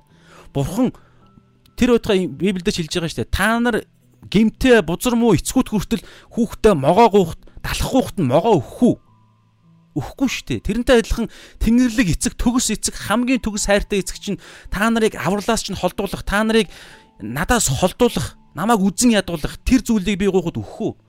Өгөхгүй шүү дээ. Тэгвэл яагаад яагаад бид ингэ цагаа барах хэвтэй? Яагаад би ингэж те сорилтонд орох хэвтэй? Библийг уншихгүй бол баггүй да. Библийг уншчихвол ингэ тодорхой мэдж байгаа. Мата 6-гийн 24 дээр хоёр эзэн зэрэг үйлч болохгүй гэж байгаа. Мата 19 нөө 18 дээр байгаа. Тэр баян залуугийн баян залуу Есүс тэр яавал аврах тухай хуулийн аль бичээсэн сайн маа гэд сайн бай гэд хэлэх үед ингээ болж байгаа үйл явдал дээр Есүс дараагаар нь хэлж байгаа. Баян хүн Тэнгэрийн хаалчд орох ямар ч боломжгүй гэж байгаа. Баян хүн яг мөнгөнийг амьдралынхаа зорилгоо болгосон. Энийг тэмээ зүнээс үгчээр орохдоо зүүрлдэг. Гэхдээ дараа нь хэлдэг. Хүнд боломжгүй, бурханд боломжтой. Тийм учраас Матай 5:3 дээр сүнсэндээ ядуу хүн өрөөлтэйе Тэнгэрийн хаанчлалт тэднийх буюу Тэнгэрийн хаанчлалд орж чадна гэсэн үг байхгүй сүнсээрээ ямар өрөвдөлтэй юм бэ? Би миний сүнс нь ямар аюул занал тулгарсан юм бэ? Миний сүнс нь ямар хэрэгцээ байгаа юм бэ? Махуудын хэрэгцээ яриаггүй. Нийгмийн хэрэгцээ яриаггүй. Сүнсэнд маань, жинхэнэ инх тайванд маань. Махууд чинь бол миний хувцсоохгүй таны бидний. Сэтгэл санаа, бидний энэ харилцаа, сэтгэл санаа мөрөөдөл бол жинхэнэ миний нэг хэсэг. Жинхэнэ би өөрөө сүнс واخгүй. Сүнс Бурхан бол сүнс гэж байгаа Иохан 4 дээр. Тэгэхээр бурхан өөрсдийнхөө өөрсдийнхөө тэ өөрийнхөө дүр төрхөөрөө биднийг бүтээсэн. Бид бол мөнхөд амьдрах хувь тавилантай сүнснүүд. Тэгэхээр жинхэнэ инх тайванд хэрэгцээтэй зүйл чи юу юм бэ? Тийм учраас тэр хэрэгцээг харсан чинь би ямар өрөвдөлтөй, ямар ядуу сүнслэг хувь тавиландаа юу ч бэлдээгүйгөө ойлгосон хүн ерөөлтэй гэж байгаа байхгүй Мата 5:3 дээр. Яагаад? Одоо яг асуудлаа харлаа гэсэн үг эмчдэр очиод яг өвчнийхөө угшлыг голомтыг шинжилгээнд орцсон гэсэн үг. Тийм учраас одоо эмчилгээгээ хийнэ гэсэн үг. Бурханасаа гуйна гэсэн үг. Эзэн минь би ямар ч надад цохис алга. Би ямар ч Библи би өөрийнхөө ухаанаараа Библийг ойлгоод тэрэнд итгээд итгэгч надад чадлаа алга. Тийм учраас Библиэр хэлж байгаа итгэлгүй байгаад минь та өршөөгөөч бидэнд итгэл өгөөч гэж залбирал чинь бас маш чухал залбирал байхгүй юу? Тэгээ ийм мэтчлэн юм ярьж байгаа. Тийм учраас ариун сүнсний ирж байгаа хамгийн гол туслагчаар ирсэн гол зорилго бол Есүсийн хэлсэн үгийг сануулах. Тэр хэлсэн үгэн дотор бүх эрдэнэс, бүх томьёо, бүх энэ дэлхийн амьдралын бүх нөгөө юу гэдэг вүлээ бүр хамгийн одоо та юу гэж хэлж болох вэ? Бүр хамгийн бүх зүйл байгаа. Тэгээ энийг ойлгохгүй те ингээд тийм л тэгээд толгойн төвшөнд мэдээд зүрх сэтгэлийн төвшөнд ингээд хүлээмжшгүй холбогдохгүй байгаа гэвэл одоо залбирах хэрэгтэй байхгүй. Эзэн минь би сүнсэндээ ядуу болмоор байна. Эзэн минь би миний итгэлийг өсгөөж. Миний оюун санаа бүр ингээд залб тэр залбирал чинь нэг үгийн Филиппо 2-ын 2-ын 4-ийн 6 дээр хэлж байгаа шүү дээ. Та нар юунд ч битгий санаа зов. Харин альва зүйлд альва зүйл гэдэг чи одоо энэ хэлэх гээд байгаа санаа байхгүй юу? Эзэн минь би яг энэ хүний хэлээд байгаа те таны библийг ямар чухал вэ гэдгийг би зүгээр мэддэг сонсч ирсэн. Гэхдээ би энийг мэдрэхгүй байна. Энийг би хүлээн зөвшөөрч чадахгүй байна. Ойлгож байгаа мөртлөө би яг миний хувьд бол амьдралд хамгийн чухал зүйл бол би энэ хүнтэй суумаар байна. Яг энэ амьдралын чухал бол би маргааш өрөөл төлмөр байна. Яг миний амьдралын гол зорилго бол би яг одоо өмнө харагдаж байгаа энэ уул, энэ хэрэгцээ. Энэ л миний хавьд амьдралын хамгийн чухал зүйл байгаад байна. Гэтэл энэ хүн нэг өөр юм яриад байна. Библиэлд ч гэсэн нэг өөр юм яриад байна. Манай пастор нэг найз нөхөд маань өөр юм яриад байна. Библи хамгийн чухалаа гэж хэлээд байна. Яагаад юм бэ? Уялдааг холбоог нь ойлгуулж өгөөч туслаачаа гэдэг юм чинь Филиппо 4:6 дээр хэлж байгаа. Юунд ч бүх санаа зов буюу энэ зүйлээ бид ингээд яана бүр ингээд сүрж байгаа юм шиг биш. Одоо Филиппо 4:6 дээр хэлж байгаа гэхээр харин юунд ч бүх санаа зов харин альва зүйлд За энэ асуудал байна. Асуудал мөн үү? Мөн хүлээн зөвшөөрөх хэрэгтэй, улаах хэрэгтэй. Тэгээ юунд ч бүү санаа зов. Харин альва зүйлд залбирал болон гуйлтаараа гэж байгаа юм. Залбирал гуйлт. Залбирал харилцаа те одоо янз бүрийн гуйлт гэдэг дээр бол хангамжтай залбирал янз бүрийн харилцааны те ойлгож ухаарах залбирал ба гуйлт. Гуйлтаараа талархалтайгаар ям энэ залбирал гуйлтаа ингэж илэрхийлэхдээ нэг л санаа зовлттойгоор биш талархалтайгаар яагаад За энд талархалтайгаар хүсэлтэй тэр альва зүйл гэдэг байгаа. Хүсэлтэй бурханд мэдүүл. Бурханд мэдүүл гэж байгаа. Санаа зовох биш. Санаа зовох биш. Юунд тэр альва зүйл буюу хүсэлт гэдэг байгаа байхгүй янз бүрийн хүслүүд байгаа. Тэр хүсэл чинь 1-р Иохан 5-ын 13 14 дээрээс байгаа бурхны хүслийн дагуу байвал энэ бурхан мэдүүлэхэд бурхан гарцаагүй хариулна гэсэн. Тэгэхээр бид хариултаа авахыг хүссэн одоо юу гэдгийг төсөл бичих гэж байгаа бол гуйлт хийх гэж байгаа бол мэдгдэл гуйлт хүсэж байгаа бол Бурхны хүслийн дагуу гуйл авах гэдэг шүү дээ. Хүслийн дагуу биш гуйлтаар гуйл авахгүй байхгүй. Гэхдээ Бурхны хүсэл юу юм? Библийг унших. Библиэлд маш тодорхой хэлж байгаа. Анган шатны хэрэгцээнүүдийг Бурхан хүсэж байгаа шүү дээ. Хүсэж байгаа. А дээр нэмээд одоо энэ Библийн ямар чухлыг би ойлгомоор байна. Тэ би одоо юу гэдгийг би одоо энэ Бурхны хүсдэг зүйлсүүдийг хэрэг гуйж байгаа бол гарцаагүй хариулт аавна. Гэхдээ санаа зовлттойгоор биш байхгүй. Санаа зовлттойгоор гуйвал яана гэж хариултаа би авахгүй гэж хэлэхгүй. Тэгвэл авсан ч гэсэн хүн мэхлэгдээд авснаа мэдэхгүй байх магадaltaй байхгүй юу? Ягаад тэгэхээр санаа зовсоор байгаад өмнөө юм өмнөө нөгөөтхөө нэг болвол те одоо юу гэдэг санаа зовсноор хүн өөрийнхөө аргаараа ингээд аа нөгөө хүсэлтэд биелүүлэх гээд ингээд хөдөлмөрлөсөн чинь гэтэл тэр дунд нь эзэн өөрөөр нь дамжуулан өөрийнх нь чадвар энэ бүх зүйлс чинь бурхан бидэнд өгсөн шүү дээ. Тэгэхээр бурхан бид нараар өөрөөр мөн дамжуулаад ч юм уу янз бүрийн арга замаар тэр хүсэлтэнд нь бурхан ингээд хэрэгжүүлж өгсөн чинь тэр хүн өөрөө талархалтайгаар биш санаа зовсон байдлаараа ингэж юм хийсэн учраас өө за яха бурхан бүгэн залбирсан гэхдээ би л ер нь хийцэн л дээ гэд ингээд энэ бодолт ч гэсэн бүдрэх магадaltaй байхгүй. Тийм учраас санаа зовхгүй зүгээр талархалтайгаар тэгээд хүсэлтэнд бурханы хүслийн дагуу байвал талархалтайгаар бурхан аавдаа бурхандаа мэдүүлнэ. Залбирал хүсэлтэй. Тэгэхээр энэ талархалт яагаад талархал гэдэг юм? Бурхан амлалт байгаа байхгүй.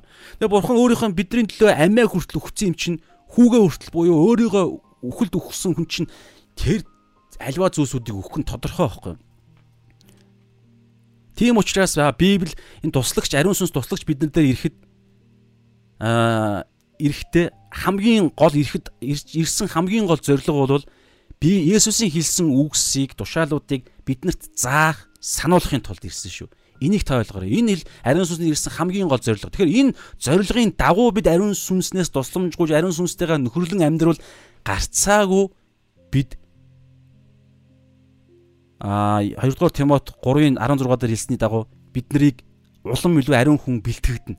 Заахад, зэмлэхэд, залруулах гэдэг арга замаар ариун сүнс биднэрт зааж бид нарыг улам илүү ариун хүмүүсүүдийг сүнслэг тулаанд дараагийн төвшөнд гаргаж ирнэ гэсэн. Тэгэхээр энэ байр суурь дараагийн төвшөнд гарч байгаа энэ байр суурьуд чинь Матай 6-гийн 33-ын Матай 6-гийн 33-ын дагуу бусад зүйлсүүдийг нэмж өгөх байхгүй юу?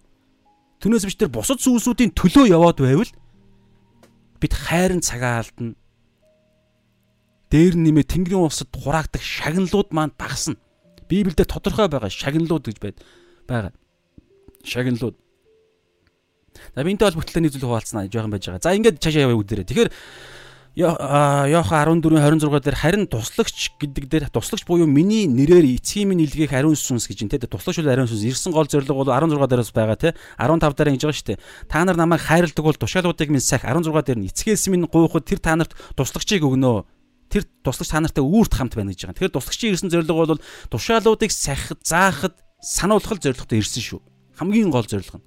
Түүнээс бидний гоё мэдрэмжтэй маш тэ өндөр байр одоо юу гэдэг эрх мэдэлтэй байр суурьтай мундаг аа юу гэдэг мундаг өвчин эдгээгч мэдгээгч гэдэг чинь гол зорилго нь биш байхгүй да. Энэ бол зүгээр ариун сүнсний үр жимс аяанда гарах зүйлс нь хамгийн гол зорилго Есүсийн хэлсэн зүйлсүүдийг одоо энэ дээр юу бид нар өмнөх үдсэн хэсэг дээр байгаа хүлээж аваад за би хараадах юм. А 21 дээр Миний тушаалуудыг хүлээн авч сахигч нь намайг хайрлагч мөн гэж. Тушаалуудыг хүлээж аваад ойлгож ухаараад бясалгаа түүнээс зуураа түүний хувийнхаа өмчөө эзэмшлээ болгоод бидэнд ярьсан шүү дээ. Судлал тэр. Тэгээд түүнийг түүгээрээ сахин биелүүлж амьдрах. Иний төлөө явж байгаа цагт нөгөө зүйлсүүд чинь дагалдана гэсэн. Түрүүний яриад байгаа. Үйлчлэлүүд дагалдана, бэлэг авьяасууд дагалдана, байр суурь дагалдана, хангамжууд дагалдана. Яагаад? Бид өөрсдийнх 1-р Коринт 6 дээр хэлсний дагуу бид өөрсдийнх байгаа болцсон байхгүй юу? Ариун сүнсний орших сүм болцсон. Тэгм учраас өөрийнхөө сүмөө эзэн өөрөө хүсснээр хангана. Энэ хүсснээр бидний хүслээр биш.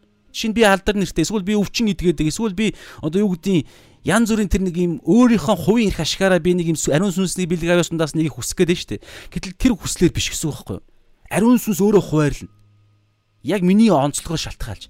Тэгэхээр яаж хуваарлахыг бид ялгаж гомдолж голж шилэхгүй.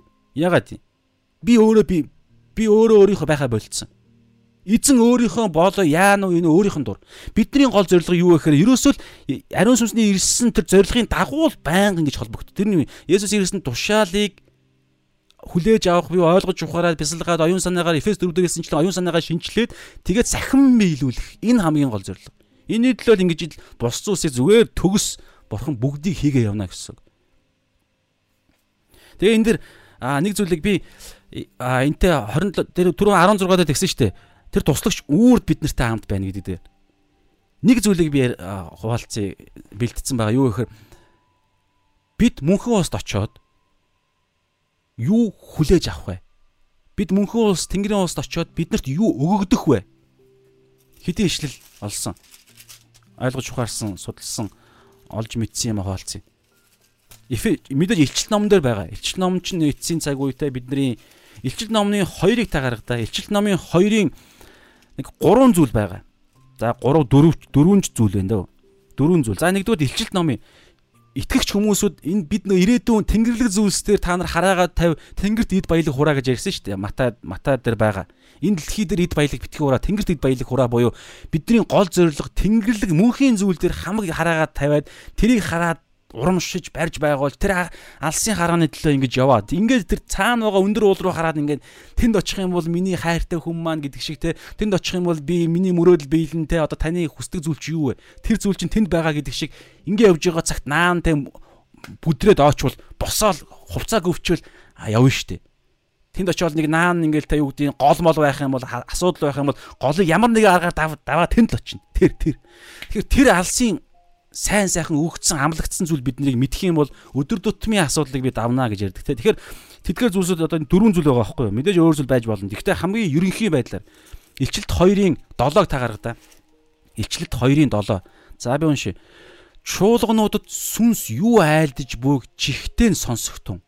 Чуулган гэдэг чинь та би Нэгдүгээр ариун сүнсийн орших сүм чуулган болсон. Хоёрдугаар ариун сүнсийн орших сүм чуулган болсон хүмүүсүүд бид нар өөрсдөө бас чуулган.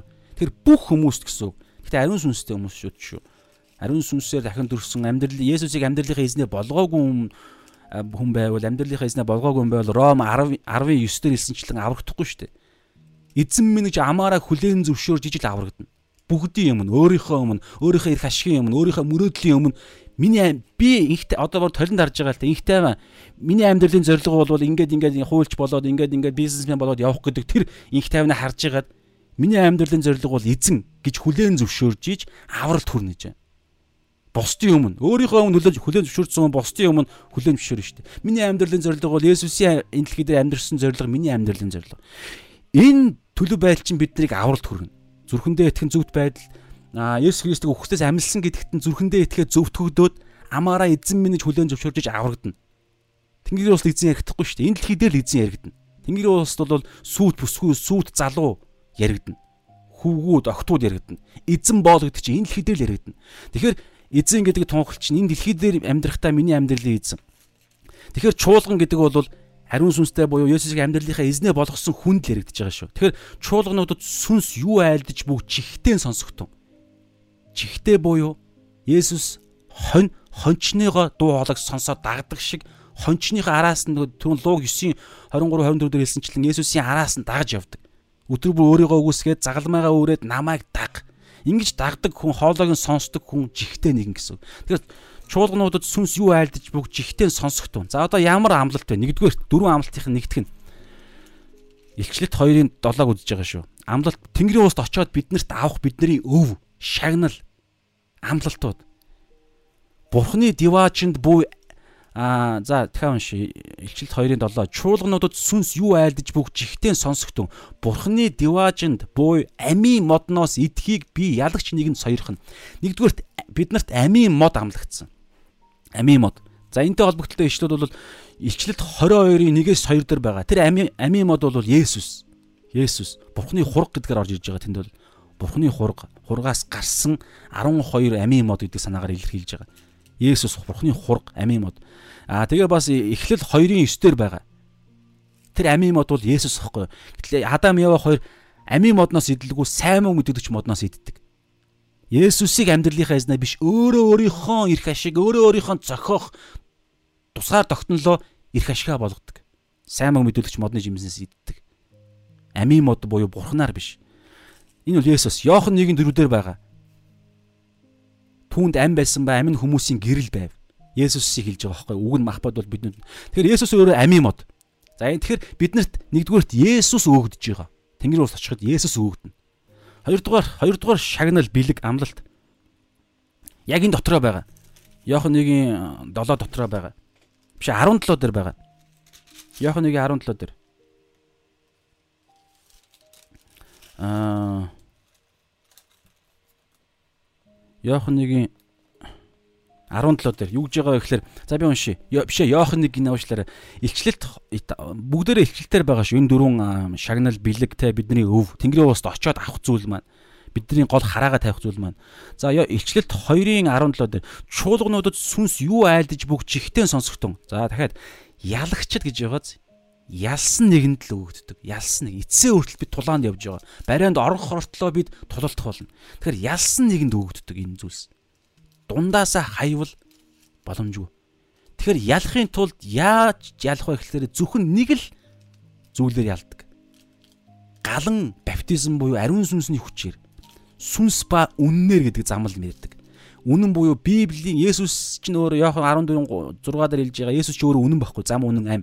Тэгэхээр Есүс болон Есүсийн Есүсийг гэрчлэх ариун сүнс энэ зүйлээр л Библи буюу ариун сүнсний хүчээр л бид амьдрал дээр ялалж ялж тулд чаддаг. Эдгээр зүйлсүүдийн зүйлсүүдийн хойноос бид мэдэх гэж, бяслах, ойлгох гэж, дагаж явах гэж хамаг юмаа зориулахгүй болвол хайрын цагаа цагаа алдсаар л байх бол дэлхий юу гэж ярих нь хамаа байхгүй. Бидний зүг сэтгэл, бидний оюун ухаан биднэрт юу гэж хэлэх нь хамаа байхгүй. Библи ингэж хэлж байгаа. Бид Библиэд итгэж бүтээгч бурхнаа эзнээ болгоод бүтээгч бурхны стандартаар шинээр бүтээгдсэн Эфес 4 дээр хэлсэнчлэн бурхнаар бүтээгдсэн зөвхт байдал, ариун байдал дотор явах дуудлагатай бурхнаар бүтээгдсэн шинэ хүнийг өөртөө өмс гэж байгаа байхгүй. Оюун санаа санаагаа тэгж шинжил гэж ярьдаг. Тэгэхээр ялагчд би нууц нууцлсан мааннаагаас өгнө. Маанна гэж байгаа. Би түүнд цагаан тэгэхээр хоёрдугаарт нь хоёрдугаарт нь бид нар Тэнгэрийн хаанчлалд очиод маанна өгдөн. Маанна. Энэ маанна юу юу вэ гэхээр Иохан 6-гийн 35 дээр хэлж байгаа. Бас Есүс. Тэнгэрээс бууж ирсэн амийн талхвал би байгаа юм аа. Израильчуудын цүлд байсан маана чинь жинхэнэ далах чинь Есүс ахгүй юу? Дахиж идээд маана чинь нэг л өдрийн хэмжээтэй байсан шүү дээ. Израиль Израиль бол харин Есүс бол идэх үед хизээч өсдөггүй мөнхийн маана. Тэгэхээр Есүс өгдөнө гэж байгаа. Маана гэдгээр илэрхийлж байгаа. Бүр хангамж, мөнхийн хангамж. За 3 дугаарт нь шин нэр өгдөнө. Гэхдээ энэ нэр нь хардаа маш сонирхолтой. За энэ 17 дээр байгаа илчилт 2-ын 17 дээр. Чааш нь уншия. Мааннаагаас өгнө тэгчээд би түүнд цагаан чулуу болон түүн дээр бичигдсэн хүлээн авахчаас нөөр хинч мэдэхгүй. Шин нэр өгнө. Илчилт 2-17. Тэгэхээр 3 дугаарт нь Тэнгэрийн аанчлалд очиод биднэрт өгөгдөх шагнал маань юу гэхээр зөвхөн миний бүтээсэн бүтээгч болох гурлаар орхиш бидний бурхан аав болон их тайван бит хоёроос өөр хинч мэдэхгүй шин маш хувьчилсан тийм нэр өгнө гэж байгаа байхгүй. Энэ юу илэрхийлж байгаа? Энийний цаана маш чухал чухал зүйлс илэрхийлнэ. Товчхондоо юу гэхээр Тэнгэрийн улс очиод хүн болгоно нэг юм те баахан хэдэн мянган итгэгч нар ингээл бүгдээрээ ингээл бурхан ингээл харахаар аа манаахан ингээл ингээд ийм нэг юм хүмүүсүүдийн юм хайн асар олон цуглаантай нэг тэрүүн баастар жишээ те ингээл өө манаа цуглааных ингээл ингээл бүгдэнтэй нь хөвжилж уулаж чаддаггүй нэг юм хүний цаг хугацаа орон зай те одоо материаллог энэ хязгаарлагдсан бол хүн шиг биш. Хүн болгонтой ховчилж харилцдаг ховчилж мөнхийн хувийнхаа төлөвлөгөөг зохиодог хувьчилж ялгаатай ялгаатай байдлаар нууцлаг юм гоё харилцаанд байдаг. Яг нөгөө энэгээр чи ихнэр нөхрийн харилцаагаар чи илэрхийлд илэрхийлдэг байхгүй юу?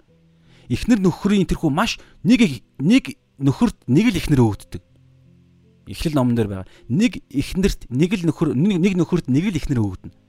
Энэ энэ зүйлээр саний ярьж байгаа зүйл илэрхийлдэг. Тэнгэрийн хаанчлалд байдаг бурхан болон тэр хувь итгэгч хоёрын хооронд маш гайхалтай хувийн яг гэр бүлийн харилцаа шиг нарийн холбоо тогтоо байна. Энэ чинь энэ сая хэлсэн тэр өөрөөс нөр хинч мэдэхгүй шин нэр өгнө гэж байгаа. Шин цоо шин нэр. Тэр ийм гайхалтай хамлалт нь 3 дугаарт нь. За 4 дугаарт нь 4 дугаарт нь илчилт а 2-ын 28 дээр илчилт 2-ын 28 дээр би түүнд үүрийн цолмон өгнө. Үүрийн цолмон. Үүрийн цолмон. За энэ дээр бол илчлэлт 22-ын 16 дээр хэлж байгаа. Есүс аахгүй? Есүс. Илчлэлт 2-ын 16. Та унших юм бол байгаа. Өглөөний юу гтсэн байгаа байлаа? Өглөөний од чөлөөний тиймэрхүү байдлаар бичсэн байгаа. Илчлэлт илчлэлт 22-ын 16 дээр өглөөний гэрэлт од гтсэн байгаа. Эн чинь болохоор үүрийн цолмон байхгүй? Үүрийн цолмон. Тэгэхээр бас Есүс. Есүсийг хэлж байгаа. Есүс. Тэгэхээр яагаад Есүс Есүс гэж 3 удаа давтчихэв? Есүс эцэг хүү ариун сүнс гурвал бүтээлээс өмнө байсан. Төгс харилцаа, төгс нэгдэл. Энэ нэгдэлтэй бид мөнхөн уст очихороо нэгдэнэ. Яг гурвлын нэг болно гэсэн бүх итгэгч нар. Ингиж нэгдэхдээ хинийхэн дотор гэхээр Есүсийн дотор. Тэгээд ариун сүнс түрүү энэ дээр шүү дээ. Йохан 14-ийнхаа 16 дээр шүү дээ. Би эцгээс гуйхад тэр та нарт өөр туслагчийг буюу өөр буюу Есүстэй яг адилхан мөн чанартай туслагчийг өгнөө. Тэр та нартай үүрт хамт байна. Тэгэхээр Тэнгэрийн улсад очиод очиход хүртэл ариун сүнс биднэртэй хамт байна. Тэгэхээр ариун сүнсээрээ дамжуулж бид Есүсийн дотор гурвалтай хамт нэгдэх байхгүй. Тэгэхээр төгс нэгдлийн бид хэсэг болно гэсэн. Тэр утгаараа Эхлэл номон дээр Эхлэл номын 1-ийн 26 27 26-аас 28 хавцаа байгаа бид бид гэж байгаа байхгүй олон тоон дээр гурвлыг хэлж байгаа гэсэн үг шүү дээ. Бид өөрсөдтойгоо адилхан хүнийг бүтээгээд эр эмээр нь бүтээж байгаа хүн. Тэгэхээр Есүс бид чинь Есүс гурлаар оршигч Бурхны нэгдэлтэй нэгдсэн байхгүй юу? Тэгэхээр ийм гайхалтай зүйл ярьж байгаа шүү. Тэгэхээр энийг ярьж байгаа ариун сүнстэй холбогдлолтой. Тэгэхээр тэр туслагч биднэр дээр ирсэн. Зорилго нь бол түрүү ярьсан. Есүсийн хэлсэн заасан бүгдийг сануулгах заах зорилготой. За ингээд цаашаа бүгдээр аа бүгдийг гэдэг дээр за би ишлийг нь гаргахгүй. Гэхдээ энэ дээр ингэж байгаа цагаан эмнэх үүднээс тэгвэл цаг их явдаг учраас 26-г явж штэ. Йох 14 26. Аа харин миний харин туслагч миний нэрээр эцгийн минь илгээх. Тэгэхээр миний нэр гэдгийг бүгдээр дахиад нэг юм ярилцах хэрэгтэй. Юу гэхээр бид залбирах болгондоо Есүсийн нэрээр амийн гэж залбирдаг. Есүсийн нэрээр гэдэг хэрэглэгийг бид нар байн хэрэгэлдэг. Тэгэхээр энэ дээр юу ярьдаг вэ гэхээр бид нар нэг зүйлийг маш сайн ойлгох хэрэгтэй. Тэгэхгүй бол бид нар буруу ойлгох буруу ойлгосноос болоод буруу хэрэглээнд ороод тэгээд үр дүнгүй залбирал ч юм уу үр дүнгүй юм хийх магадaltaй. Юу гэхээр түрүүн Йохан 1-ийн 1-р Йохан 5-ын 13 14 дээр байсан юм мэдээлэл энд орж ирж байгаа байхгүй. Йохан 1-р Йохан 5-ын 13 14 дээр гэсэн шүү дээ. Есүс Бурхны хүслийн дагуу юу ч гуйсан Бурхан сонсдог. Сонссон бол Бурхан биднэрт өгсөн гэдэгтээ бид итгэдэг, талархдаг. Энэ бол бат итгэл, энэ бол зөв итгэл гэж байгаа байхгүй. Тэгэхээр Бурхны хүслийн дагуу гэдэг санаа энэ дээр одоо орж ирнэ гэсэн. Тэгэхээр Йох 10 14-26 дээр харин туслагч буюу миний нэрээр эцгийн минь илгээх. Тэр туслагч эрэхтэй Есүсийн нэрийг барьж ирнэ. Тэр нь юу гэсэн үг гэхээр одоо энэ цаана тэр ишил дээрээ байгаа. Тэр туслагч Есүсийн нэрээр ирэх туслагч нь эренгүүтлээ бүгдийг заах буюу Есүсийн хэлсэн бүгдийг сануулна гэж байгаа. Заа сануулна. Тэгэхээр Есүсийн үгийн дагуух бүх зүйлсүүд Есүсийн нэрээр хийгдэж байна, хэлэгдэж байна гэсэн үг. Есүсийн хэлсэн үгийн дагуу залбирал, Есүсийн хэлсэн үгийн дагуух барьж байгуулж байгаа зүйлс, Есүсийн хэлсэн үгийн дагуух шүүлтүүд хүртэл Есүсийн нэрээр хэлэгдэж, байж байгуулагдж шүүлтэнд орж ийнэ гэсэн. Есүсийн үгийн дагуу, тушаалын дагуу. Тэгэхээр Есүсийнхээ үгийг судалдаггүй хүн болвол Есүсийн нэрээр залбирч чадсандаа яаж итгэх вэ? Бурхны хүслийн дагуу би залбирчлаа гэдэгтээ яаж баттай баталгаа баримтыг хүн тэр хүн өөрөө өөртөө хэлж чадахгүй. Сатан ээ чиний залбирал чинь бүтлгүүцсэн бүтлгүүцсэн бүтлгүүтчлээ гэж бид нар лөө галт сум шидэх үед бид яаж итгэлийн бамбаагаараа нэг гартаа нөгөө гартаа сүнсний сэлэн буюу бурхны үгийг буюу Есүсийн үгийг бариад бамбаагаараа хаагаад үгээ сатаны тэрхүү галт сумыг зүрхэнд нь зоогоод зайлуулж чадах бай, устгах чадах бай. Үгүй би энэ үгэнд итгэдэг. Би эзэндээ итгэдэг. Тэр эзний маань үг болвол тэгээ Есүсийн хэлсэн үг. Тэр үгийн үгийн дагуу би залбирсан учраас тэр үг залбирсандаа тэр үгэнд би итгэдэг учраас тэр үгийн дагуу залбирсан учраас зүгээр оюун бодолтой болж байгаа процесс шүү дээ. Шууд мартна гэсэн үг. Үлээгээл оюун бодлоосоо гаргачна гэсэн үг. Толгоогоос ихсрэл юу миний бодол биш вэ? Юу хүний бодол, хэн нэгний хүний бодол, өөр нэгний муу нэгний бодол миний тархинд юу хийж яваа юм? Ингээл гаргаал болоо. Яагаад оюун санаагаа шинжилж чадвал Есүсийнхээ үгийг мэддэг болвол тэр үгэнд нь итгэдэг бол үгээр нь амьдрдаг болвол чадна гэсэн. Тийм учраас дахиад нөгөө үг судлал. Есүсийн үг тушаал. Тэгээ үүний төлөө бид нарт ингээд янз бүрийн байдлаар те Монгол итгэгч нар маань ингээд эн тэнд лайв хийгээд эн тэнд юм хийгээд байгаа чинь аахгүй. Иргэн тойронд гэрчлэлийн үлэм жагуу Еврей 12-ийн 1 дээр байгаа чинь гэрчлэлүүд буюу бие биенийгаа Ром 1:12 дээрээсэнчлэн бие биенийхээ итгэлээр барьж байгуулгадахын тулд энэ цаг хийгдэж байгаа. Гол зорилго нь таныг гэсэн үг шүү дээ. Намайг бид бүгд өөрсдийнхөө бид бүгд өөрсдөө үгэн дээр л барьж байгуулгадахын тулд Есүсийн хэлсэн үг шин гэрэл гэсэн үг шүү дээ, тэ. За тэгээд тийм учраас миний нэрээр гэдэг дээр энэ ярьж байгаа. Есүсийн үгийн дагуу буюу хүслийн дагуу 1-р Иохан 5-ын 13 14. Эцгийн минь илгээх ариун сүнс та нарт бүгдийг гэдэг дээр бас нэг юм ярихад илчилт 22 дээр байгаа. Илчилт 22 дээр хэлж байгаа. 22-ын хэдгээр ишлэлээр байна да. 22 дээр л байгаа шүү. Сүүлд хавцаа байлуу энд энэ хүү бичээсээс энэ хүү бичвэр илчлэлтээс за би уншиж доо эхлэл 22 дээр байгаа. Яг ишлэлээр уншсан дээр энэ нарийн ширийн юм дээр бол. За эхлэл 22-ийн 18 дээр 18 19 энэ хүү номын иш үзүүлгийн үгсийг сонсогч бүр бүрд би гэрчилж байна. Хин нэг нь эдгээрийн дээр нэмэх аваас. Буюу 66 номтой ном бүхий библийн илчлэл дээр нэмэгдэж ямар ч илчлэл өгөхгүй. Ягаад тэгэхээр төгс яг хүлэн зөвшөөрөгдсөн төгс бурхны мэдлэг илчлэл байгаа учраас энэхүү хин нэг нь эдгээрийн дээр нэмэх аваас сонсоор аюулна. Нэмэх аваас буюу шин цоо шин библ байхгүй илчлэлтийг хин нэг нь би хэллээ гэж хэрүү бид сорилтонд ороо харуул ийм аюул хүлээж байгаа. Бурхан энэхүү номд бичигдсэн хин нэг нь эдгээрийн эдгээрийн дээр нэмэх аваас бурхан энхүү номд бичигдсэн гамшгуудыг түүнд нэмэх болно. Илчил ном дээр аимшигтай аимшигтай гамшгууд бичигдэж байгаа. Эцсийн цаг үед болох зүйлсүүд. Бурхан энхүү номд бичигдсэн гамшгуудыг түүнд нэмэх болно гэж байгаа. За энэ нэг зүйлийг та анхаараарай. Би энэ илчлэлт 22-ийн 18 19 уншиж штэ.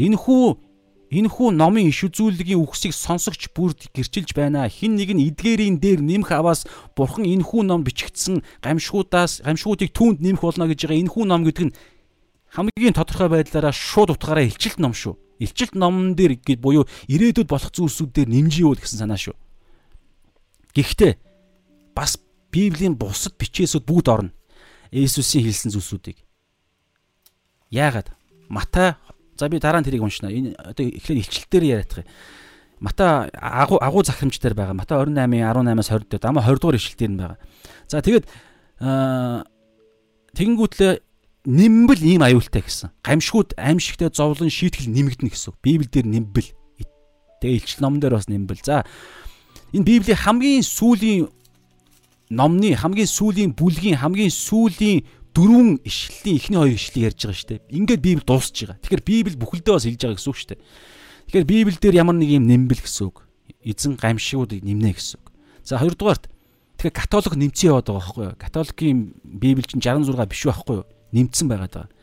За хоёрдугаарт нь 19 дээр хин нэгэн энэхүү иш үзүүлгийн номын үгсээс хасах аваас. За энэ дээр бол жоохон аюултай. Энэ дээр бол би надад зүгээр ховчлон надад ямар мэдрэгдэг вэ гэхээр итгэгч нараас маань энэ аюулд орохгүй зүгээр надад мэдрэмт төрдөг. Эсвэл өөрсдөө итгэгч нар гэж боддог хүмүүсүүдээс э, өөрсдөө мэхлэгч нараас Матай 7-гийн 21-с 23 дээр байгаа. Гэхдээ яг энэ арай жоохон авах гэхийн ухаанаар хандах хэрэгтэй л дээ. Гэхдээ л энд аюултай. Нимхгүй мөртлөө хасдаг хүмүүсүүд байгаад идэх байхгүй. Нөгөө сонгож өөрсдийнхөө тааллын дагуу жихэнд Есүс ч гэсэн шүү дээ эцсийн цаг үед хүмүүс жихэнд жихийг нь гижигдсэн зүрхийг нь тааламжтай хуурамч номлолуудыг сонсогч нар олноороо гарч ирнэ гэж Есүс хэлсэн шүү дээ Библиэлд байдаг. Тэгэхээр тэгж таалагдсан зүйлсүүдээ сонгоод таалагдаагүй Библийн хэсгүүдийг Есүсийн хэлсэн үгсүүдийг сонсохгүй буюу хасж гин гэсэн үг байхгүй юу? За би дахиад уншия. Илч 22:19 хин нэг нь энэхүү иш үзүүлгийн номын номын үгсээс хасах аваас Бурхан энхүү номд бичигдсэн амийн модны модноос болон ариун хотоос хувийг нь хасах болно. Ийм аюул байгаа учраас бид Библийг бүтнээр нь судлах хэрэгтэй. Тэгээ энийг дэмжих би хоёр ишлэлийг харъя. Эхлээд 18-ыг нь дэмжих ишлэл, дараа нь 19-ыг нь дэмжих ишлэл. Йохан Матай илчлэлт 22-ын 18-ыг буюу Библиэлд нэмсэн хүн ямар аюулд орох вэ гэдгийг сайн ингээд ярьсан. Тэгэхээр Библиэлд нэмнэ гэдэгтэй хамааралтай зүйлс дээр нэмээд хасах гэдэгтэй ичлэл 22-ийн 19 дээр. За эхлээд 18 буюу 18 гэдэг дээр би Матай 28-ын 28-ыг гаргая бүгд дээр. Матай 28-ын за 18-аас л уншиж өдөө бүгдийг. За Матай номын хамгийн сүүлийн 3 ишлэл агуу захирамж бид бүгд хүн болгонд итгэж хүн болгонд хамааралтай. За 18 дээр гэж байгаа. Есүс дөхөж ирээд тэдэнд 12 дагалдагч нартай те. За 11 ч гэдэг юм уу. Тэнгэр газар дээрх бүх эрх мэдлийг надад өгсөн. Тэгэхээр ингэж хэлчээ дээшээ тэнгэр рүү явна. Газар дээр нь хин үлдэх вэ гэхээр туслагч нь үлдэнэ. Энэ туслагч ариун сүнсийн дотор гурвал хамт байгаа гэж бид нар үзсэн. 13-ын Иохан 14-ийн 23 дээр байгаа. Бид түүний дотор хамт амьдрнаа гэж байгаа. Бид. За тэгээд надад өгсөн тэнгэр газар дээрх бүх эрх мэдлийг. Тэгэхээр Есүст бүх эрх мэдэл, хүч чадал, шүүх эрх мэдэл нь байгаа. Есүс өөрөө шүүгч, эцэг бурханч биш. Йохан 6 5 6 хавцаа байгаа. Шүүх их мэдлийг аав хүүдээ өгөө гэж байгаа. Есүс. Тийм утгаараа Есүст бүх эрх мэдэл байгаа. За ингээд шашаа явъя. За Матай 28:19 иймээс ийм эрх мэдэл байгаа учраас иймээс та нар яв. Бүх үндэстнүүдийг дагалдуулагтун. Ингэж дагалдуулахад гурвал ариун сүнсээр л дагалдуулна. Ариун сүнс. Тэгээ ариун сүнсийг ч өөрөө ирсэн зэрэг нь юу гэлээ? Есүсийн хэлсэн үгсийг л зааж сануулахын тулд ирсэн. Нэгдүгээр, хоёрдугаар сануулаа заасны дараагаар нь хэрэгжүүлэхэд хүч өгнө. Ром 8-ын 4. Сүнсээр яв. Тэгвэл та нар хуулийн шаардлагыг биелүүлж чадна. Хууль буюу Есүсийн тушаалуудыг хуучин гэрээний хуулийг Есүс бүр бүр илүү нарийн болгоцсон. Илүү өндөр стандарт тавьчихсан шинэ гэрээ. Яагаад тэгэхээр ариун сүнсний биелүүлж чадах учраас. Тэгэхээр ариун сүнсээр явж ижил бид дагалдуулж чадна, зааж чадна, гэрчилж чадна, Есүсийн тушаалыг биелүүлж чадна гэсэн. За тэгээд иймээс та нар яв бүх үндэснийг дагалдуулах тун эцэг хүү ариун сүнсний нэрээр тэдэнд баптизм хүртэ гэж байгааз эцэг хүү ариун сүнс гурвал маш чухал ариун сүнс хүртлэнд оролцож байгаа байхгүй бавт. За тэгээд 20. За одоо эндээс та нарт тушаасан бүгдийг гэж байгааз та нарт тушаасан бүгдийг минь сахин биелүүлэхэд тэдэнд за. Одоо энэ дээр Есүсийн тушаасан бүх зүйлийг сахин биелүүлэхийг за.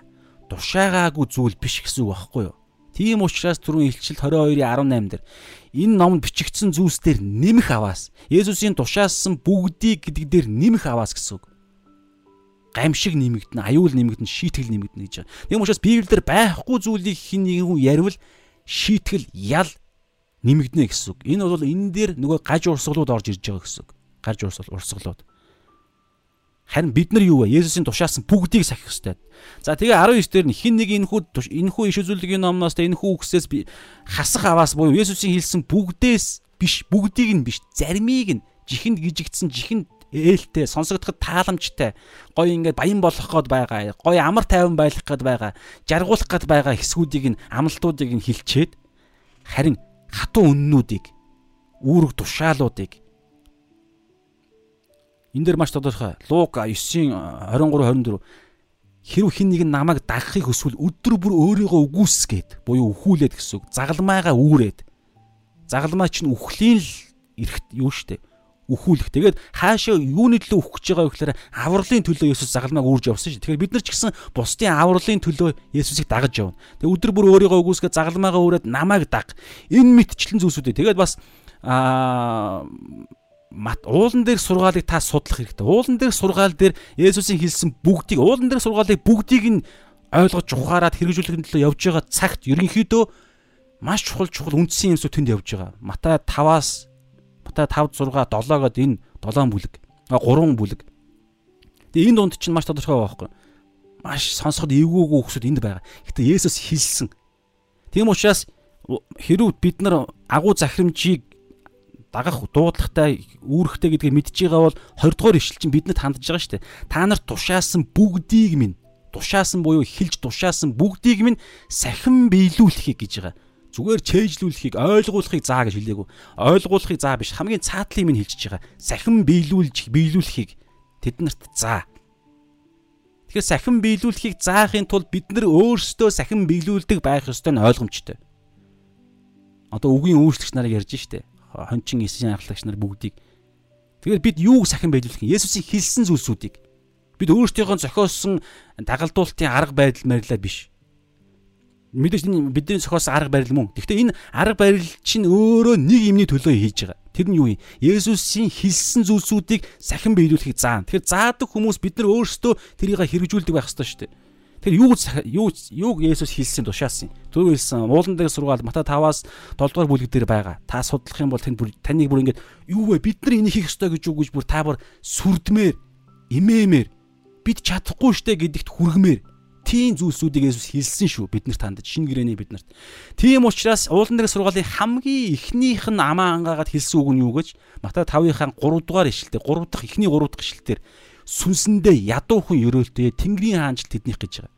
Тэгэхээр уулан дээр сургаал бол Тэнгэрийн хаанчлалын хүмүүсүүдийн Тэнгэрийн хаанчлалын тогтолцоо, Тэнгэрийн хаанчлалын мөн чанарыг илэрхийлдэг сургаал шүү дээ. Та судлаарай. Мундаг мундаг зүйлсүүд уулан дээр сургаалын талаарх тайлбар хийдэг хүмүүсд бүгд ингэж ярина. Тэнгэрийн уулан дээрх сургаал бол Есүс Христийн энэ дэлхий дээр байгуулсан Тэнгэрийн хаанчлалын мөн чанар, зарчим, хаанчлалын хүмүүсүүдийн ямар явах ёстой вэ гэдгийг уулан дээрх сургаал заадаг. Биднэрт хандаж, ариун сүнстэй хүмүүст хандаж. Тухайн үеийн ариун сүнсгүй юдэчүүдэд биш. Ариун сүнстэй хожим, ариун сүнстэй болох хаанчлал нь яг бүрэн утгаараа хэрэгжиж эхлэх үүс 1-8 дээр те та нар хүлээж ихчихэж байгаа дээ. Харин үүс 1-8-аас эхэлж байгаа хаанчлал жинхэнэ жинхэнэ утгаараа ариун сүнс та нар дээр ирэхэд та нар хүчийг олоод хүч нөгөө гал энэ уулан дээр сургаалыг бүгдийг нь биелүүлж чадах хүч. Хүчийг олоод тэгээ Ерүсалим, Юдэ, Самар буюу ингэж төвөөс гадах гадагшлах хим хэлбэртэйгээр Тэнгэрийн хаанчлалд дарахж байгаа. Тэгээ Монголд 90 онд ороод ирцэн байна уг нь. Гэхдээ бид нар ороод ирцэн хаанчлалын иргэдүүд гэж байгаа мөртлөө Есүсийг амьдрал эзнээ болгосон гэдэг мөртлөө амьдралынхаа эзэнд бид нар өөрсдөө яваад байвал яваад байгаа учраас ийм аюул маш маш бодиттой байгаад байгаа учраас энэ уулан дээр сургаалын сүүлийн бүлгийн 7 дугаар бүлгийн 21-оос 23 дээр ямар аюул байгаа гэж энэ нь одоо энэ юутай холбогдож байгаа байхгүй юу энэ Илчилт 22-ийн 19-тэй энэ номноос хасвал ами модны номноос хаснаа гэж хэлсэн. Ами номноос нэрийг нь хасна гэж байгаа.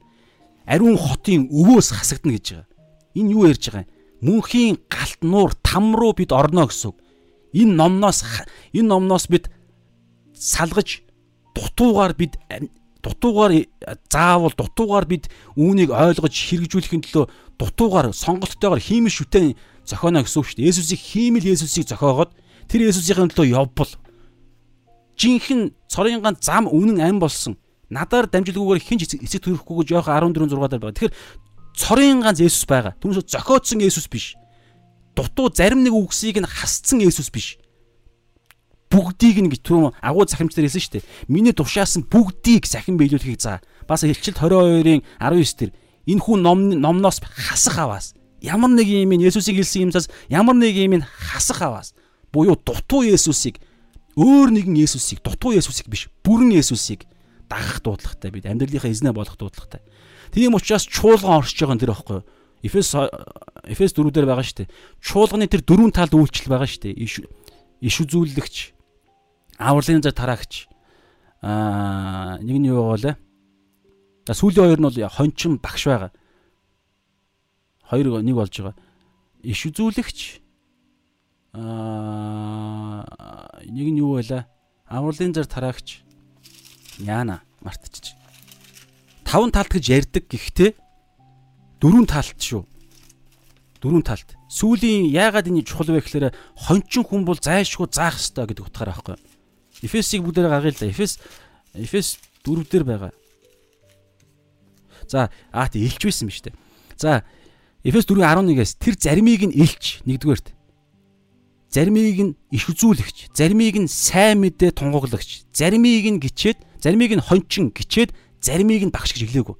Энэ дотроо заримыг нь их хэл дээрээ шалгаа байхгүй англи хэл дээр шалгаа байхгүй заримыг нь хончин ба багш гэж байгаа.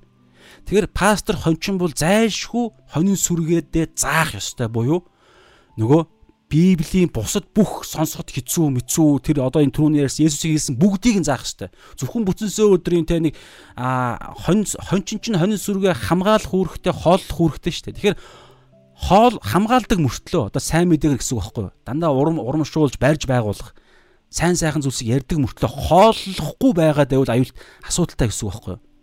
Одоо энэ дээр заахгүй байгаа дэвэл гэсэн үг. Заах ёстой.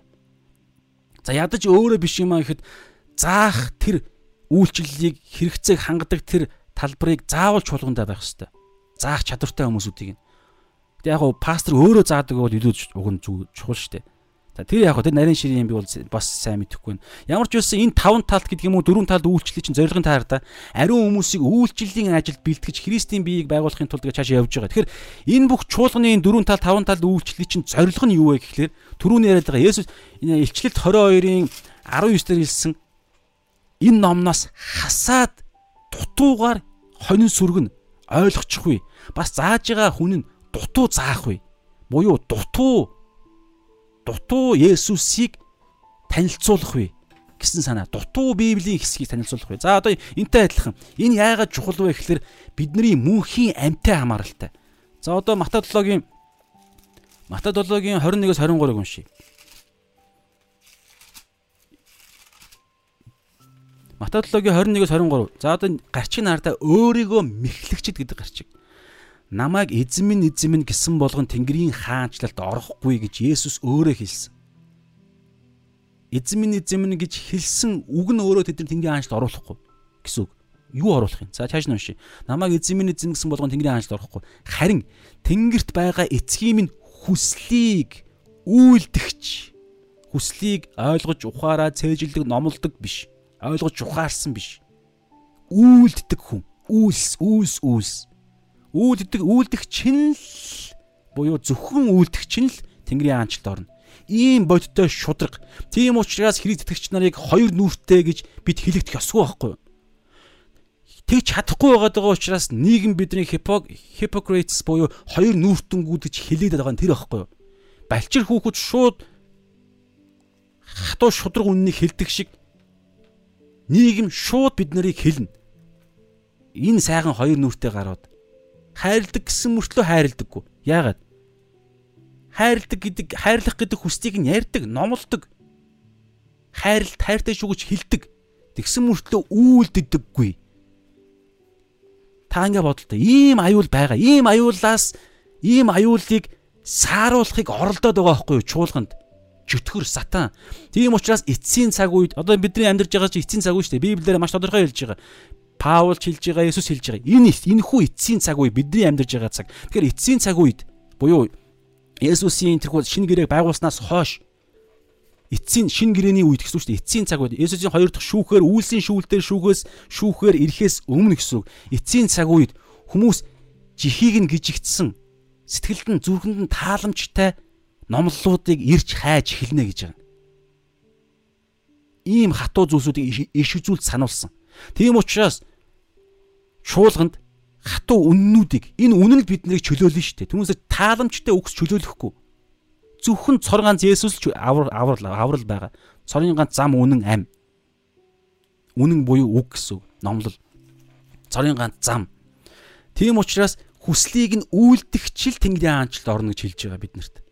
Үйлдэгч. Тэгэхээр бид үйлдэхийн төлөө Эфес 2:10 сайн үйлсийн төлөө биднэрт нэг үйлсэл 2:8 9 нь өгөгдөж байгаа. Эфес 2:8 9 нэг үйлсэл аврал, зөвтгөл бүх хүч чадал нь өгөгдөж байгаа. Зорилго нь 2:10 дугаар ишлэл. Сайн үйлсийн төлөө. Ингэснээрээ эцэг алдаршихын тулд эцэг алдаршна гэдэг чинь хүү алдарших. Хүү алдаршуулахын тулд тухайн хин нэгэн хүн бидний сайн үйлсийг Матай 5:16 дээр хэлсэнчлэн бидний сайн үйлсийг хараад Есүст итгэж ижил Есүсийг хин нэгэн алдаршуулна шүү дээ. Та бол миний амьдралын эзэн, та бол намайг аварсан гэж. Тэгэд хин нэгэн хүнийг ингэж хилүүлэхийн төлөө бид сайн үйлс хийнэ гэсэн үг. Үйлчилнэ. Аа гэрэл давс болно гэсэн үг. Тэгэхээр тэр хүн Есүсийг алдаршуулах үед шууд автоматар эцэг алдаршна.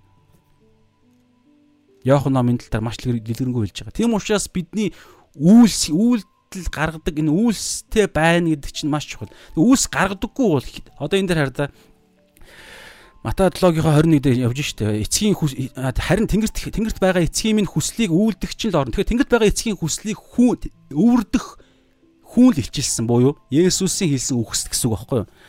Тэгээ 22 тэр өдөр шүүлтийн өдөр хизээ ирэх нь тодорхойгүй хугацааг нь Библиэлд хулгайч мэт гэж хэлдэг.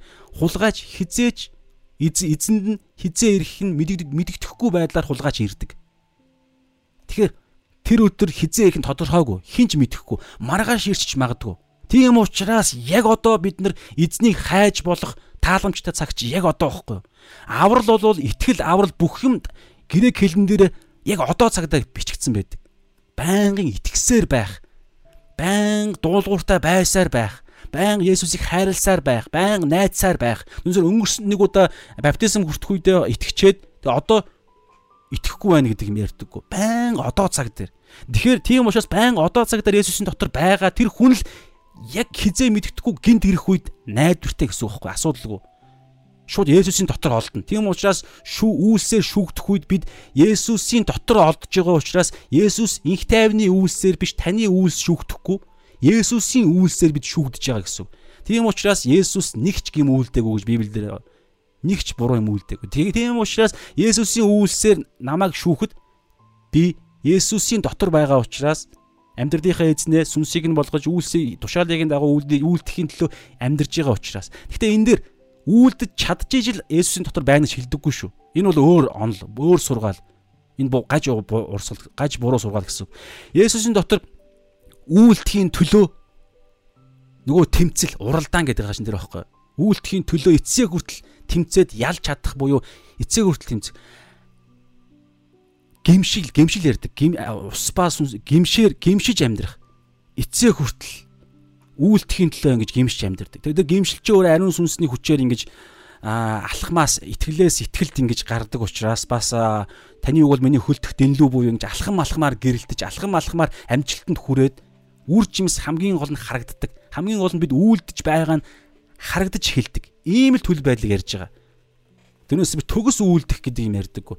Ариун сүнсээр төгс үйлдэхин төлөө байнга явж байгаа тэр зүйлийг omniscience мөн чанараараа бурхан мэдэрдэг учраас Есүсийн дотор байгаа энэ хүн байна гэж тодорхойлогддог. Тэрнээс биш яг Есүстэй адилхан болно гэдэг юм ерөөсө боломжгүй.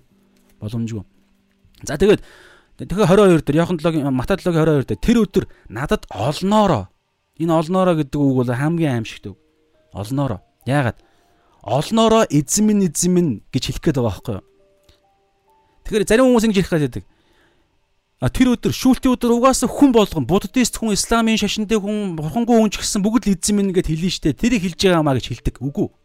Та шааш нар та. Тэр өдөр надад олноороо эзэн минь эзэн минь гэчээ таслал байгаа байхгүй юу? Таслал чааш нь бид таны нэрээр иш үзүүлсэн иш үзүүлж бид таны нэрээр жүтгэрүүдийг хөөж бид таны нэрээр олон гайхамшиг үйлдэж байсан бусуу өнгөрсөн цаг дээр Тэгэхээр тэдгэр хүмүүсүүд хараа тэр олноороо гэдэг хүмүүсүүд чинь зүгээр үл итгэгч нар хэлдэг эзэн минь эзэн гэдэг үг биш аахгүй юу? Есүсийн нэрээр буюу Есүсийн үгийг нь номлол тушаа үгийг нь баринга иш үзүүлдэг буюу номлодог хүмүүсүүд гэсэн үг.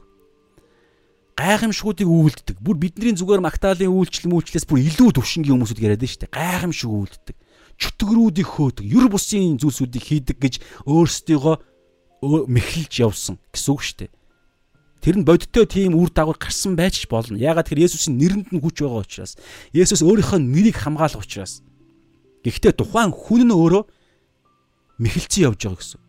Би ийм үйлдэл надаас би ийм номлол тархиараа хүн юу ч хэлээд юу ч номлож болно шүү дээ. Тэгэхээр би ийм номлол ийм олон итгэгч нартай учраас би ийм гайхалтай олон дагагч нартай учраас би ингэж үр дагавартай би ингэж ийм үйлс гаргасан үр дагавар гарсан учраас би Есүсийн боол би Есүс миний Есүс миний эзэн энэ биш гэдэг байгаа байхгүй. Тэгэхээр итгэж хүмүүсүүд байгаад итгэгч өөрсдөө итгэгч Есүсийн амьдралынхаа эзнээ болгосон Есүс миний эзэн гэж хэлдэг хүмүүсүүд чинь эдгэрийг арина штэ. Би Есүсийн нэрээр иш үзүүлсэн, Есүсийн нэрээр гайхамшиг үйлдэн чөтгөр хөөсөн. Тэгэхээр тэдгээр хүмүүсүүдээс олноороо буюу чуулган дотроос гэсэн үг байхгүй юу? Чуулган дотроос. Тэр тусмаа чуулганы үйлчлэгч нар дотроос бүр. Тийм учраас бидэнд маш аимшигтай, маш нарийн, торгон утсан хэмжээний нарийн аа мэхлэлийн мэхлэгч нар мэхлэх тийм зан ороод ирцэн байна гэсэн үг. Тэгэхээр энэ зангыг яаж бид энэ зангаас гарах вэ гэхээр түрүү хэлсэн. Тэнгэрт хэсгийн хүсийг хүслийг үйлдэж байна уугүй юу гэдэг чинь бид нарыг тодорхойлох гол юм. Түнсээр номлол, үйлчлэл, ер бусын гайхамшигтай гэрчлэлийн эзэн болсон болсон биш. Тэнгэр бурхны хүсэл, Есүсийн хүслийг үйлдэж байна уу үгүй юу? Бүгдийг нь төгс үйлдэлсэн үү гэж хэлээгүү үйлдсэн энэ байнгын үйлдсээр байх төлөв байдал дотор явж гин үгүй юу гэсэн. Энэ л хамгийн чухал. Аа тэгээд тэд нар өөрсдийгөө тэгэж хэлнэ гэсэн. Би ингэсэн, би тэдэн хүн хонжилсан, тэдэн хүн баатарлсан, тэдэн номлол хийсэн, тэгэж төрөөдих хөөсөн, тийм гайхамшиг үйлдсэн, өвчин идгээсэн мэдгээсэн. Худлаа гэвэл та харал да энэ хүний энэ хүн сохор байсан. Би таны таны нэрээр таны тушаалаар таны үгийг барьж би энэ хүний дээр нь гараа тавиад энэ хүнийг би идгээсэн Худлааг бол та асуултаа гэсэн нөгөө хүн те. Тийм ээ эзгээ эдгээсээ эзээ ингээд нөгөө хүн итгэж болцсон байлаа гэж бодъё л та. Тийм ээ би эдгээсэн. Энэ хүн үнэхээр эдгээсэн ингээд тэнгуүтэл те. Ингэж хэлнэ гэсэн одоо да сонстоо. 20 23 дугаар ишлэл. Тэгэхэд нь би тэдэнд би та нарыг танихгүй. Гэхдээ англи хэлэн дээр never гэдэг үг байгаа байхгүй бүх библиэл дээр. Never буюу хизээч огт гэсэн үг. Би та нарыг огт танихгүй. Ягаад тэгэхээр яг хувьчилсан намайг хайрлсан уу? Та одоо Йохан бидний үзэж байгаа хэсгийг Йохан 14 дээр 3 удаа давтаж байгаа. За би эхнийхийг л хэлье. Йохан 14 15-ыг та хараа. Та нар намайг хайрладаг бол тушаалуудыг минь сахи. Та нар намайг хайрладаг бол намайг миний хийснийг заа гэж хэлээг байгааз. Та нар намайг хайрладаг бол гайхамшгуудыг үүл гэж хэлээгүү. Та нар намайг хайрладаг бол тушаалуудыг минь сахи. 3 удаа давтаж байгаа. Ер нь баян Библиэлд хэлж байгаа. За хоёр дахь нь 21 дээр миний тушаалуудыг хүлээн авч сахигч нь л Сахигч нь намайг хайрлагч мөн. За 23. Хин нэг нь намайг хайрлавал үгийг минь тэр сахих бөгөөд гэж байгаа. Эцэг минь ч түүнийг хайрлаж бид түүн рүү очиж түүнтэй хамт амьдрна. Ариун сүнсний буултыг ярьж байгаа. Итгэх итгэх хүүд ариун сүнс орж ирэх боломж нь Есүсийг хайрлаж тушаалуудыг нь сахих төлөв байдал нь ихэлсэн хүнийг л хэлж байгаа. Тэрнээс биш энд энд хэлж байгаа. Би энэ хүний нүдийг нь эдгээсэн. Би ингэж номлосон. Миний номлол теологийн хувьд ийм үнэн байсан. Би Библийн бүх ишлэлийг нь чэйдэлсэн. Би би Библийн бүх ишлэгийг чэйдснээрээ ингэж номлоснороо ийм хүмүүсүүдийг би бурханд авчирсан. Чи би та авчирсан юм биш ээ. Чи авчирсан юм биш. Тухайн үг нь өөрөө ариун сүнс сүнсээр бичигдсэн үг ариун сүнсээр энэ хүний амаар дамжуул Библиэлд байгаа шүү дээ. Нэг амаас нэг их булгаас тэг юу гэдэг үлээ а нэг амаас бид бид амаараа бурхныг ч алдаршуулдаг бид амаараа бусдыгаа хараадаг гэж байгаа шүү дээ. Тэгэхээр бидний амаар хилэгдсэн үгс чинь өөрөө бусдыг өрөөх үгс байлаа гэж бодоход тухайн үгс нь бид хилээд хилээд байгаа юм биш шүү дээ. Библийн үг тухайн Библийг хэлсэн үг нь буюу Есүс өөрөө өөрийнхөө хэлгсэн үгийг өөрөө батлаад цаашаа бас ариун сүнс нь тэр хүнийг итгүүлж болно. Харин бид хэлснээрээ бид бурхных мөн үү биш үү гэдэг нь гол шийдвэр нь тэр биш байхгүй. Гол нь хэлснийхаа дагуу амьдрж гин үгүй юу? Үйлдэж гин үгүй юу? Энэ чинь л хамгийн гол Тэнгэрийн хаанчлалд орох 21 дээр хэлсэн. Тэнгэрт хэцгийн хүслийг үйлдэгч л орно. Номлогч биш. Тэгээ 23 дээр нь тэг өөртөө тэгээд бодоо явж байсан чинь тийм итгэгч нар мундаг мундаг хүмүүс байлаа гэж бодоход тэгтгсэн мөртлөө тэдгэр хүмүүсүүд бурхны хүслийг үйлддэггүй бол энэ үгсүүдийг бид харахтаа толь шиг л одоо би жишээ нь танд өөрөө өөртөө танд толь шиг л зоригтой хэлж байгаа шүү дээ. Өөрийгөө хараасаа. Тэрнээс биш нүдний шил шиг зорилгоор хэлээгүй шүү. Авангуутлаа өө манай пастор. Өө энэ залуу, өө энэ тэр тэр Бухны хүслийг үйлддэггүй шүү дээ. Тэгэхээр энэ залуу яг итгэж биш юм байна да. Энэ пастор яг мөнхөг уулс очихоор аврахдахгүй юм байна да гэж юу бол яг энүүгээрээ та шүүгднэ гэж Библиэл дээр байгаа. Библи дандаа өөр Яаков дээр байгаа байхгүй. Бухны үгийг сонсоод хэрэгжүүлдэггүй хүн бол төрлөх царайгаа толинд хараад эргэж харангуутлаа төрлөх царайгаа мартдаг. Буюу Библи дээр яг одоо энэ хэсэг дээр таныг хилээд байхад эргэж харангуутлаа таныг буюу өөрийнхөө өөрийгөө олж гараад өө эзэн минь ээ гэд гимшээд маргаашнаас нь яг энэ цаг мөчөөс эхлээд үйлдэж амьдрахын төлөө явах хэрэгтэй байтал үнэн дүр төрхөө харах хэрэгтэй байтал төрлөх царайг харах хэрэгтэй байтал эргэж харангуутлаа мартангуутлаа шууд пастрийнхаа төрлөх царайг хараад оо энэ энэ пастор энэ пастор яг Бурхны хүслийг үйлддэггүй гэдгийг харж байна. Ингээд байвал ерөөсөө тийм монхог хүнтэй адилхан. Яг энүүгээрээ шүүгдэн. Гэтэл хардаад тэр пастор чинь Бурхны хүслийг үйлдэж гин үү үйлдэхгүй байх уу гэдэг хэн мэдх юм бэ? Шүүх чинь зөвхөн Есүс. Бурхан аавч шүүхгүй. Үг шүүн гэж үг. Үг шүүн. Энэ гэрчлэл өөрөө тэр пастрын шүүн. Тэр пастор чинь харалт тэр пастор жишээнтэй би тэр пастрын жишээнтэй жишээ ярьж байгаа шүү дээ. Бид ихэвчлэн энэ энэ талбар дээр маш их Монгол чуулган сорилтонд ордог шүү дээ. Сатан энэ талбар дээр маш их тайрдаг. Хойч үеийг маань одоо үе маань өмнөх үетэйгээ энэ энэ нэг юм шүүлтий энэ нэг юм хагаралдаанаас болж одоо Монгол чуулган зөвхөн Монгол биш Солонгос чуулган ялгаа байхгүй. Нэг үеийг нөгөө үеэс нь салгах гол юм чинь энэ энэ нэг юм сонир муухай э, хагаралдуу үл ойлголцол шүүлт те ийм муухай юм байгаа байхгүй. Өөрийгөө харах хэрэгтэй байтал бусдыг хараад эхэлдэг. Тэгэхээр гэтэл тухайн пастор маань Бурхны хүслийг одоо энэ Матадологи 21 дээр хэлж байгаа ажилтан Тэнгэрт эцгийн хүслийг үйлдэгч мөн биш гэдгийг бид яаж мэдэх юм? Яг биш юм шигтэй одоо юу гэдэг Бурхны хүслийг хүсэл биш юмыг үйлдээд алдсан нь биднэрт баригдчихлаа гэж бодъё. Батлагдчихлаа гэж бодъё. Гэтэл тэр пастор гимшсэн эсхийг та яаж мэдэх юм? Гимшсэн бол шууд Христийн цус чинь байхгүй болгоцсон шүү дээ. Бид нар Христ биш болохоор бид нар өс сондонд санаад идэг. Есүс дорн нэгүүлсэж байгаа. Нэгүүлсэл дотроо явж байгаа пастор ариун сүнс хором хормоор өөрчилж байгаа шүү дээ. Алхам балхамаар итгэлээс итгэлд. Тэгэхээр энэ мэдчлэн зүгээр яг нэмэлт юм ярьсан. Гол нь бид нар өөрсдөө гарах байхгүй. Тэгэхээр тэгэж өөрсдөө мэхэлцсэн байлаа гэж бодоход 23 дээр ингэж байгаа. Тэгэхэд би тэдэнд би та нарыг огт танихгүй. Одоо сонсоорой. Үйлчлэл мүйлчлэл чинь гол нь биш ээ. Гол нь ёс босыг үйлдэгч та нар надаас зайл гэж хэлнэ гэж Есүс өөрөө хэлсэн. Хин нэгэн пастор хэлээгүй. Гаж урсгалын пастор хэлээгүй. Цорын ганц зам үнэн ам болсон. Хоёр дахь ирэлтээрээ шүүлтийн өдөр шүүх шүүгч өөрөө хэлсэн. Бид нарыг халахалдаг тэрүүн дахилч маань өөрөө хэлсэн. Ёс бусыг үйлдэгч та нар надаас зайл гэж хэлнэ гэж хэлсэн. Тэгвэл яах юм? Би ёс бусыг үйлддэг штэ. Би бузар муу хിവэрэ байгаа. Тэгвэл яах юм? Есүсийн дотор алах гэсэн санаа штэ. Есүсийн дотор гимшлэр Есүсийн дотор сүнсээр сүнс ба үнэн гэж ярьж байгаа.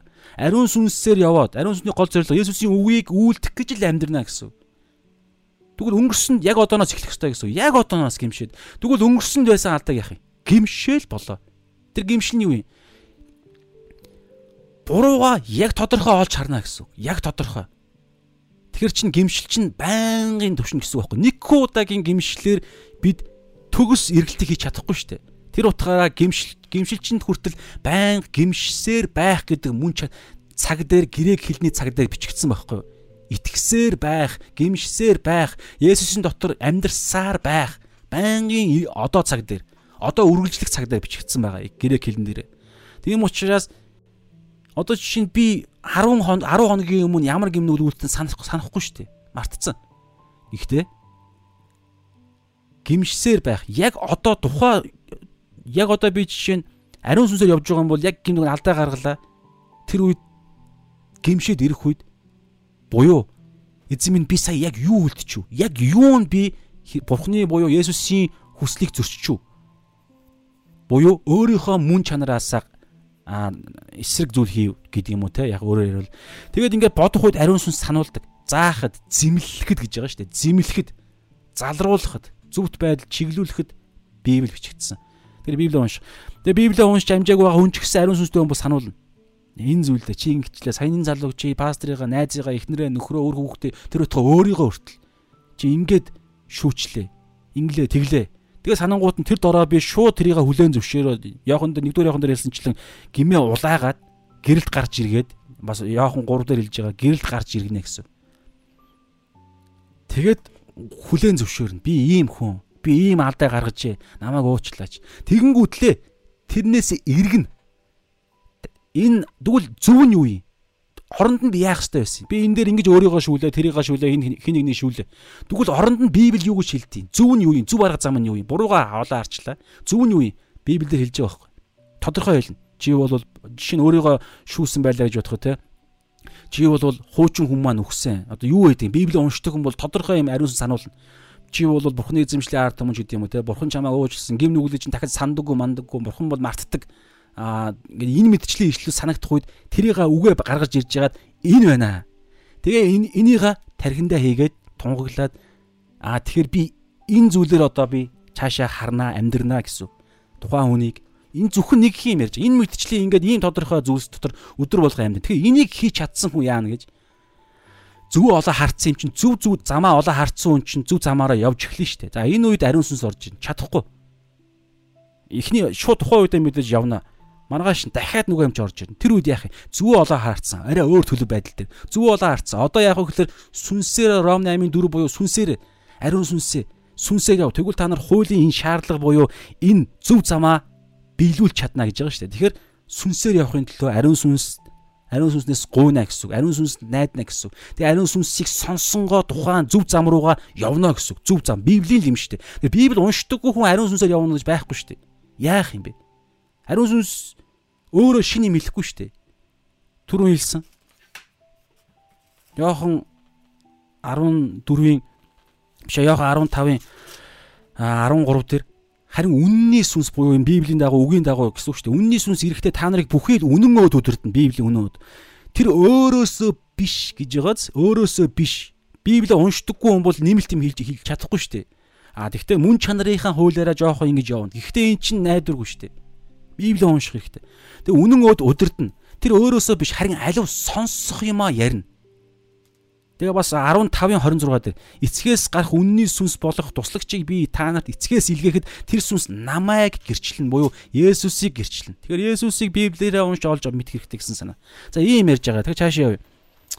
Цаг маань сайхан явсан. Гэхдээ энд чухал цаг байсан шүү. Маш чухал цаг байсан. За Миний хувьд бол маш чухал цаг. Энийг би үргэлж өөрөө өөртөө санаж явах явж явах хэрэгтэй гэдэг утгаараа би ингэж хуваалцж байгаа. Тэгснээр Ром 1:12 дээрсэнчлэн би биенийгаа би биенийхээ тэ нөгөө нэг юм ойлгож ухаасан юм хуваалцсангаа би биенээ барьж байгуулах гэдэг санаагаар хуваалцж байгаа. Зааж байгаа биш шүү. Би хуваалцж байгаа шүү. Зааж байгаа. Ам гэрчлэх арга замаар хуваалцж хуваалцж. Тэгээ Библийн үг үгийг та харин сонсохдоо Библи тань зааж байна гэж хүлээж авах ёстой шүү дээ, тэ? Тэг. Гэхдээ миний ярьж байгаа зүйлийг та өөрөө шалгах хэрэгтэй байхгүй яг сүнстэй хүн бол шалгана гэсэн. Тийм учраас та энэ цаг дээр оролцох болгондоо Библийн өмнө барих хэрэгтэй байхгүй намайг шалгах хэрэгтэй шүү дээ.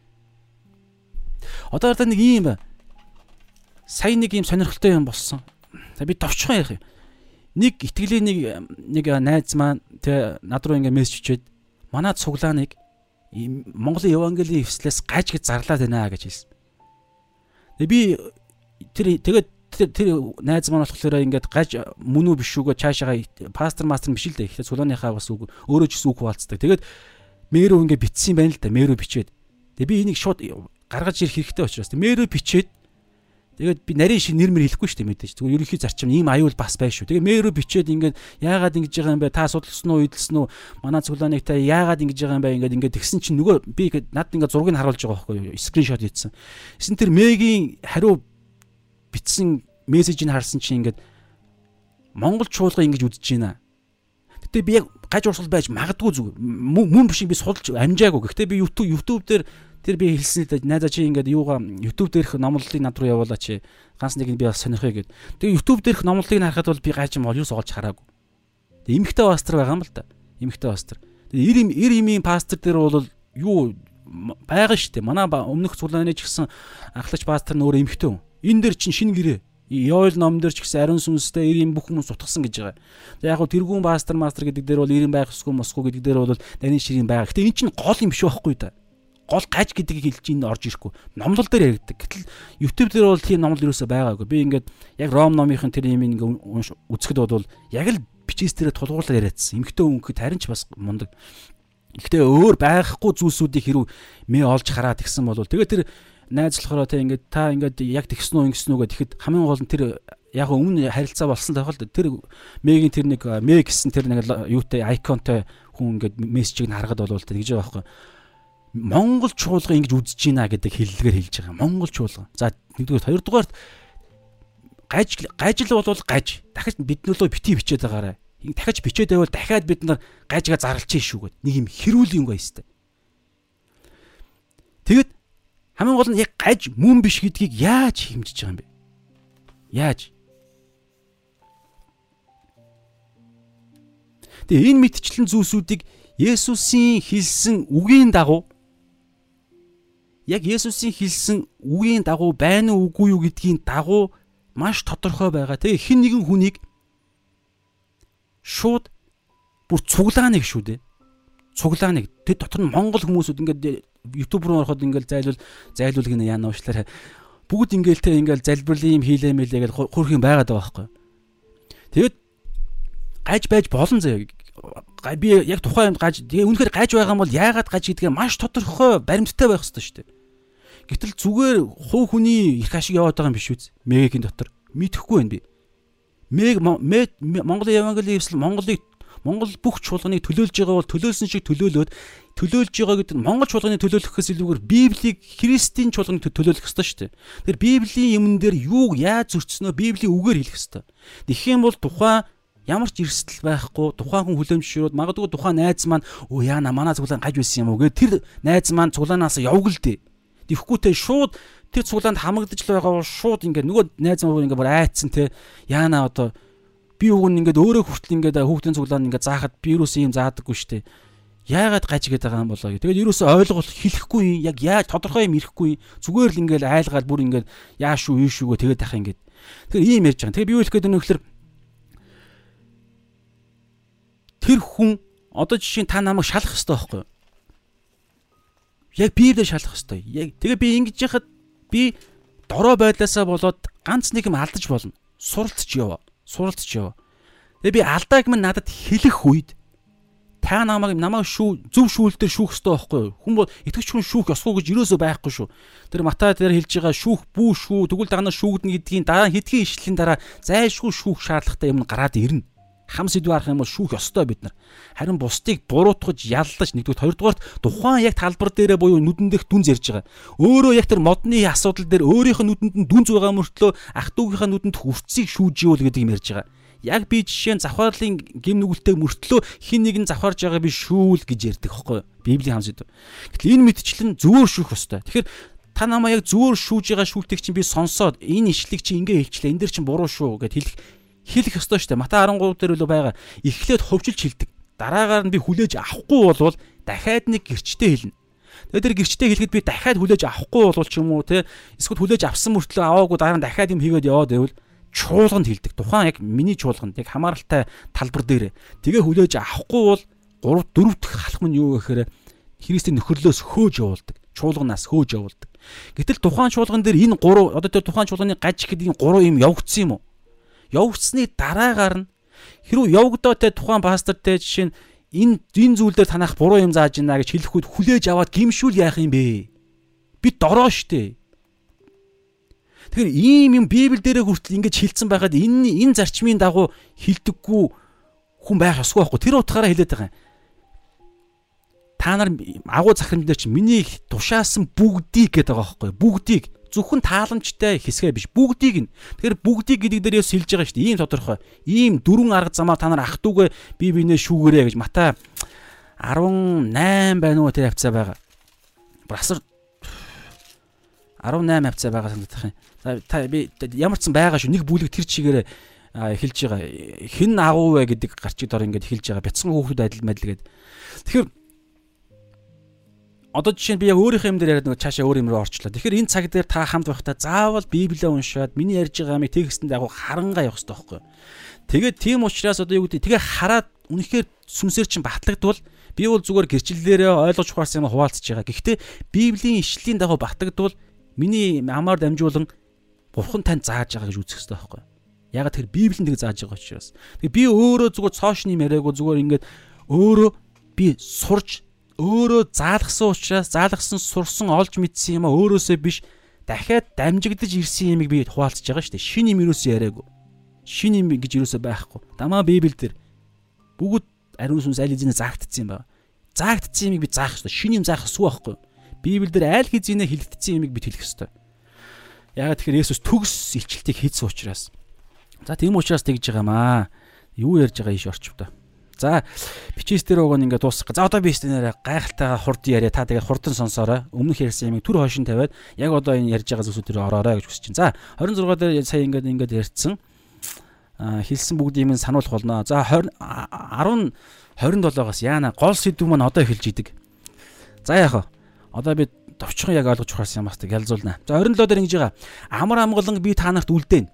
За энэ амар амгалан буюу еврей хэл дээр шалом гэдэг үг грек хэл дээр яг нь библийн бичигдсэн грек хэл дээрээ судлахад эйрин эйрин гэдэг үг. Эйрин, айрин ч гэдэг юм уу? Эйрин.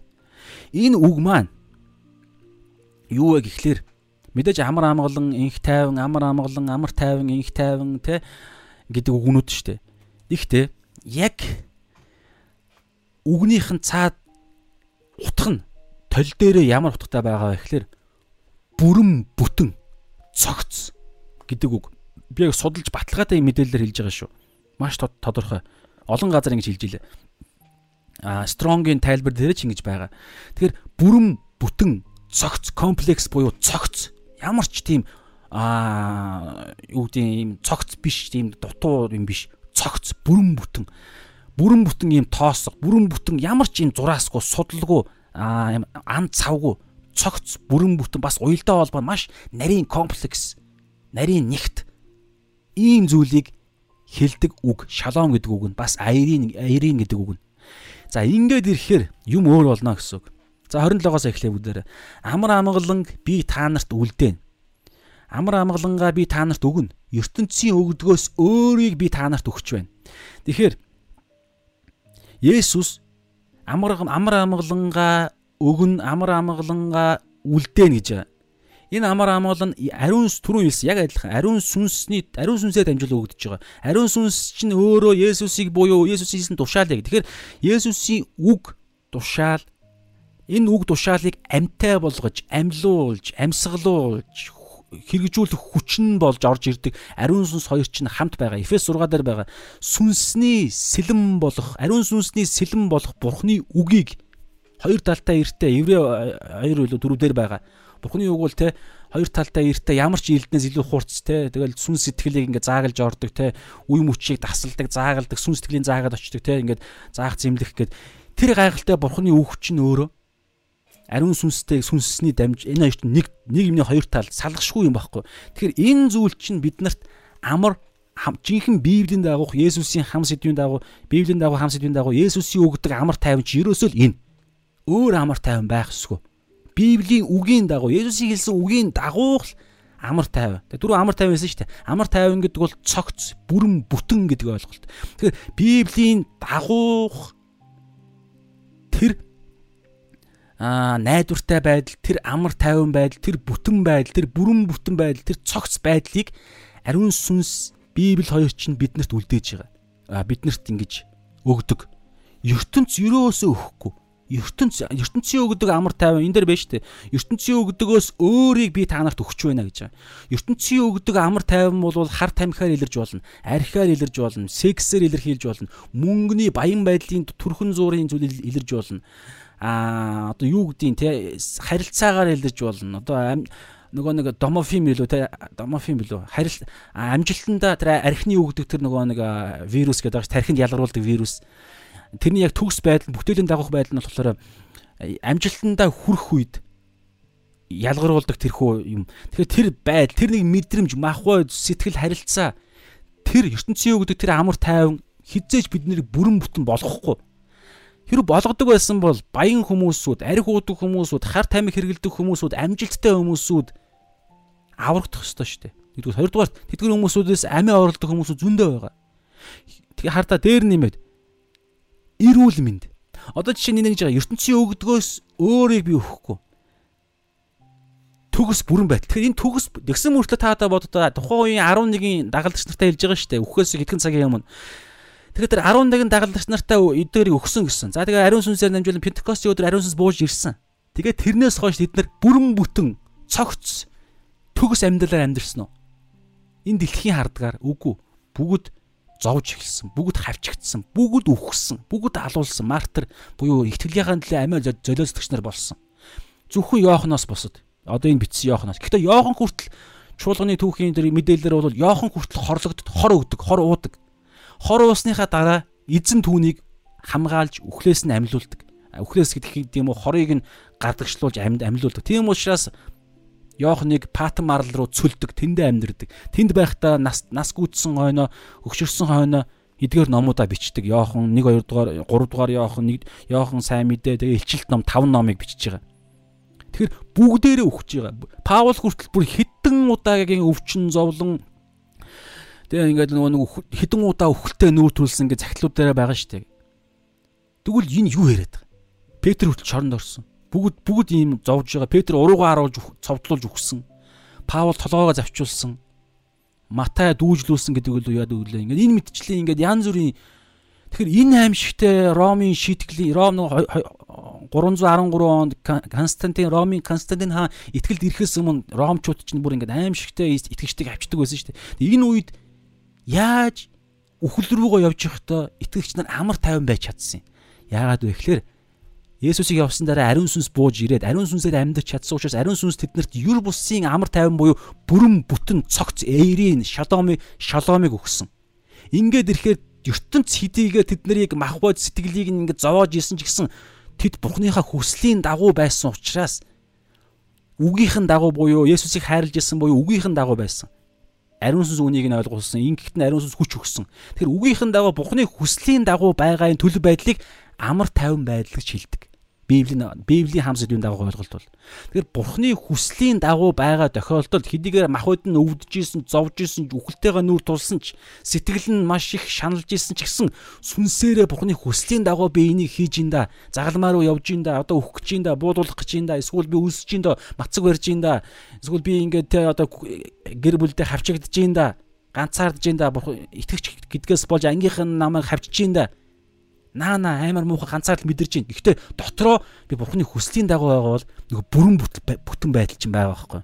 Энэ амар тайван байдлыг ярьж байгаа. Амар амгалан би та нарт үлдэн. Шалом, грекээр эйрин, айрин. Тэгэхээр шал өөр амар амгал. Зүгээр махуудын мэдрэмж биш шүү. Зүгээр нэг те нэг гоё мэдрэмж байна да. Яг одоо ариунс наттай хамт байна да. Эсвэл Магдалины үеэртэй Магдалины аймаа орж ирэнгүүтэлтэй дуу муу орж ирэнгүүтэл би өстө нэр нэг гоё мэдрэмж төрж гин. Баяр хөөр төрж гин амар амгалан байна. Одоо гэртээ очиход те хүн чинь сэтгэлийнх ш. Тэгэхээр энэ сэтгэлийн амар амгалан Есүсийн өгдөг төгс амар амгалантай зүүрлүүлж болохгүй. Хэрвээ зүүрлүүлбэл адилхан гэж бодвол энэ зүйл чинь ганхан штэ. Сэтгэл дорой хувирна. Иремя Иремя за би битсэн үг нь Иремя хэдтэй байгаа лээ. Иремя 17-гийн хэддэр байх хэвээр. Одоо Иремя 17-гийн За энэ дээр нөгөө нэг 9017 дээр ингэж байгаа байхгүй юу? Хүний сэтгэл бол өвчтэй, идэгшгүй, өвчтэй. Аа за би уншчихъя. 9017-гийн 9 дээр зүрх гэдэг бол бүхнээс илүү хуурамч. Тэгэхээр зүрхний амар тайван, сэтгэл зүрхний амар тайванд тайвны хэрүү бид ариун сүнсний өгдөг. Би Есүсийн үг одоо энэ дээр хэлсэн те би танарт амар амгалан Йохан 14-ийн 27 дээр хэлж байгаа амар амгалан би танарт үлдээн. Амар амгалангаа би танарт өгнө. ертөнцийн өгдгөөс өөр өөрийг би танарт өгч байна гэдэг нь өөр ялгаатай амар тайван зүрхний зүрх сэтгэлийн эмошны амар тайван мэдрэмжийн амар тайван гэж бодвол энэ мэдрэмжийн зүрх сэтгэл чи өөрөө юу илэрхийлдэг гэж? Ерми 17-гийн 9 дээр зүрх гэдэг бол бүхнээс илүү хуурамч хүний зүрх. Эдгэршгүй өвчтэй. Хэн үүнийг ойлгож чадахгүй хүн өөрөө ч ойлгож чадахгүй. Ийм хорон муу болцсон байхгүй. Гим нүглээс болж. Адамаас нэг нэг хүнээр дамжуулан ертөнцид нүгэл орж ирсэн. Нүглээ дамжуулан үхэл орж ирсэн. Энэ үхэл чинь өөрөө илэрлүүд нь зүрхийг хүртэл ингээд өвтгөөд зовоогоод хуурамч хоёр нүртэй болгоо ийцсан байхгүй юу? Өвчтэй, вирустай болгоцсон. Тийм учраас Есүсийн дотор бид хэдийгээр шинжлэгддэг ч гэсэн бид оюун санаагаа шинжлэхдэггүй бол зүрх дэ сүнсэндээ хийсэн зүйлсийг зүрх рүүгээ буюу тэрхүү сэтгэл зүрх рүүгээ оруулахгүй бол Библиэс судалж оюун санаагаа шинжлэхгүй бол энэ зүрх чинь энэ өвчтэй хэвээрэл байгаа. Тийм учраас Библийг судлах ариусгалын амьдрал чинь насан туршдаа үргэлжлэнэ. Библиэс судлана гэж ярьж байгаа. Тийм учраас Христийн өгдөг амар тайван чинь бидний зүрх, сэтгэл, оюун ухааны төвшөнд биш, махбодийн мэдрэмжийн төвшөнд биш.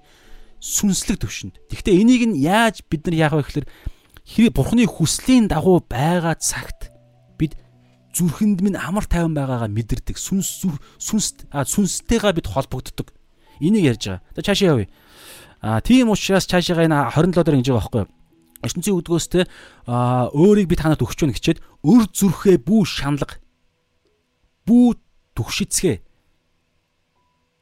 энд бидний сонголт орж ирнэ. Бид ухамсартайгаар ухамсартайгаар зүрх маань биднийг шаналгах гад байвал түгшээх гээд байвал Бурхны өгсөн зүрхэнд маань сүнсэнд маань өгсөн Есүсийн үлдээсэн амар амгалангаа бид мэдснээрээ яаж мэдх юм?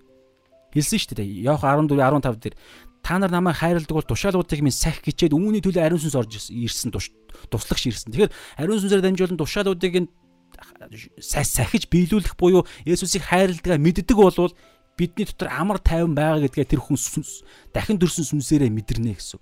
Ийм төвшний мэдрэмжийг бол ярьж болно. Тэрнээс биш сэтгэлийн эмошны төвшний мэдрэмжийг бол гол юма болгож болохгүй. Гэхдээ сүнсэндээ амар амгалан яг зөв амар амгалантайгаа байгаа цагт бүрэн бүтэн байдалтайгаа байгаа цагт мэдрэгдэж эхэлдэг, гадагшилж эхэлдэг байхгүй юу? Сэтгэлээрээ амар тайван болж нүүрний хувирл өөрчлөгддөг. Тэр өтгөө үнийгээ дагаад бидний өвчин өвчин хүртэл те эзэн дагаад өөрөө хүсвэл эзэн өөрөө идэглэл мэдрэл бүх юм гайхалтай юм өөрчлөгдөж эхэлнэ гэсэн. Амьдралын хэм маяг өөрчлөгдөнө, яриа маань өөрчлөгдөнө. Тэгэхээр гол зүйл голоороо л байх хэрэгтэй. Тэрнээс биш гаднаас дотгошилж болохгүй, дотроосоо гадагшлна гэсэн санаа. За 28 дээр би яваад би яваад та нар руу ирнэ. Энэ бол ярьсан хэсэг. Гэхдээ би яваа та нар руу ирнэ гэж хэлснийг минь одоо та нар сонслоо. Хэрв та нар намайг хайрлсан бол эцэгтэй очиж байгаад минь баярлахсан. Учир нь эцэг надаас илүү авгаа юм. За энэ дээр нэг шин нэг шин юм ойлгож ухаарсан юм байгаа. Юу вэ гэхээр би яваад за 20 дээр юу вэ? Би яваад та нар руу ирнэ. Энэ бол амлалт. Есүс явсан. Тэр утгаараа бид энэ дэлхий дээр хинж Есүсийг харахгүйгээр 2000 орчим жил өнгөрчлөө. Гэхдээ яг яг Есүсийг өргөдөх үед Тэнгэр элч нар хажууд нь хэлсэн шүү дээ. Тааны нүдэн дээр чинь яг харагд ийхүү харагдаж дээшилсний адил яг эргэж буцаж ирнэ гэж хэлсэн. Яг дээшөөс Есүс дээшээ өргөгдсөнийхээ адил буцаж ирнэ. Бүх харин тухайн үед бол бүх хүн харна. Будда харна, Мухаммед харна, Жозеф Смит харна. Гитлер харна, Абрахам харна, Давид харна өнгөрсөн жил нас бурхан руу явсан миний ээж харна. Хүм болгон харна. Нүдэнд харагдахаар ирнэ. За тэгээд энэ бол амлалт. Энэ бол гайхалтай амлалт. За тэгээд энэ дээр харин сонирхолтой ингэж байгаа байхгүй. Би яваа та нар руу ирнэ гэж хэлснийг минь та нар сонслоо. За энэ дээр сонсороо та. Хэрв та нар намайг хайрлсан бол эцэг эцэгтэй очиж байгаад минь баярлахсан. Тухайн үед бүгд баярлаагүй, бүгд шаналдсан, бүгд хүсэл найдвар нь унтсан явж байгаа хүсэжсэн Есүс нь өөртөөх нь хүссэн арга замаар хаанчлах биш. Одоо бүр үхэл рүүгээ явж байгаа. Үхэх гэж байна. Тэгээ амилсан ч гэсэн дараа нь дахиад явна гэдгээ ч хэлсэн. Би та ертөнц таамаа дахиж харахгүй. Тэгэхээр яагаад баярлах ёстой юм гэдэг асуулт байхгүй юу? Хэрв та нар намайг хайрлсан бол энэ хайрлах гэдэг үгийг түрүүн бид нар хам сэдвэндээ ойлгосон шүү дээ. Есүсийг хайрлана гэдэг бол нэг л юмар хэлсэн. Есүс өөрөө хэлсэн. Намайг та нар хайрлж байгаа бол тушаалуудыг минь сахи. Ингэж тушаалуудыг минь сахихад тушаалуудыг нь сахих буюу сахихын тулд хүлээж авна гэсэн шүү дээ. Үгийг тушаалуудыг нь хүлээж авна.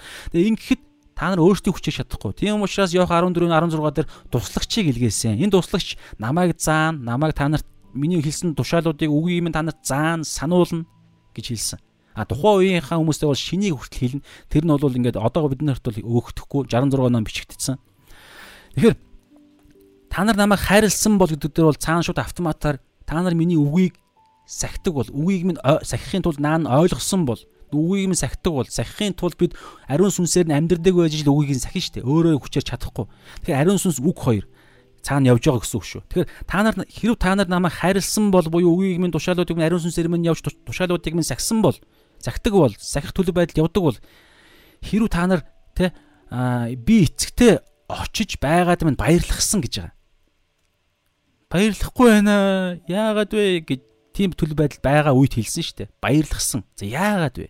Яагаад вэ гэхлээр сонсороо та. Эцэгтэй очиж байгаад нь баярлахсан. Учир нь эцэг надаас илүү авгаа юм. За энэ дээр яагаад? За Иохан 14-ийн 12-ыг та хар та. Иохан 14:12. Үннээр үннээр би та нарт хэлье.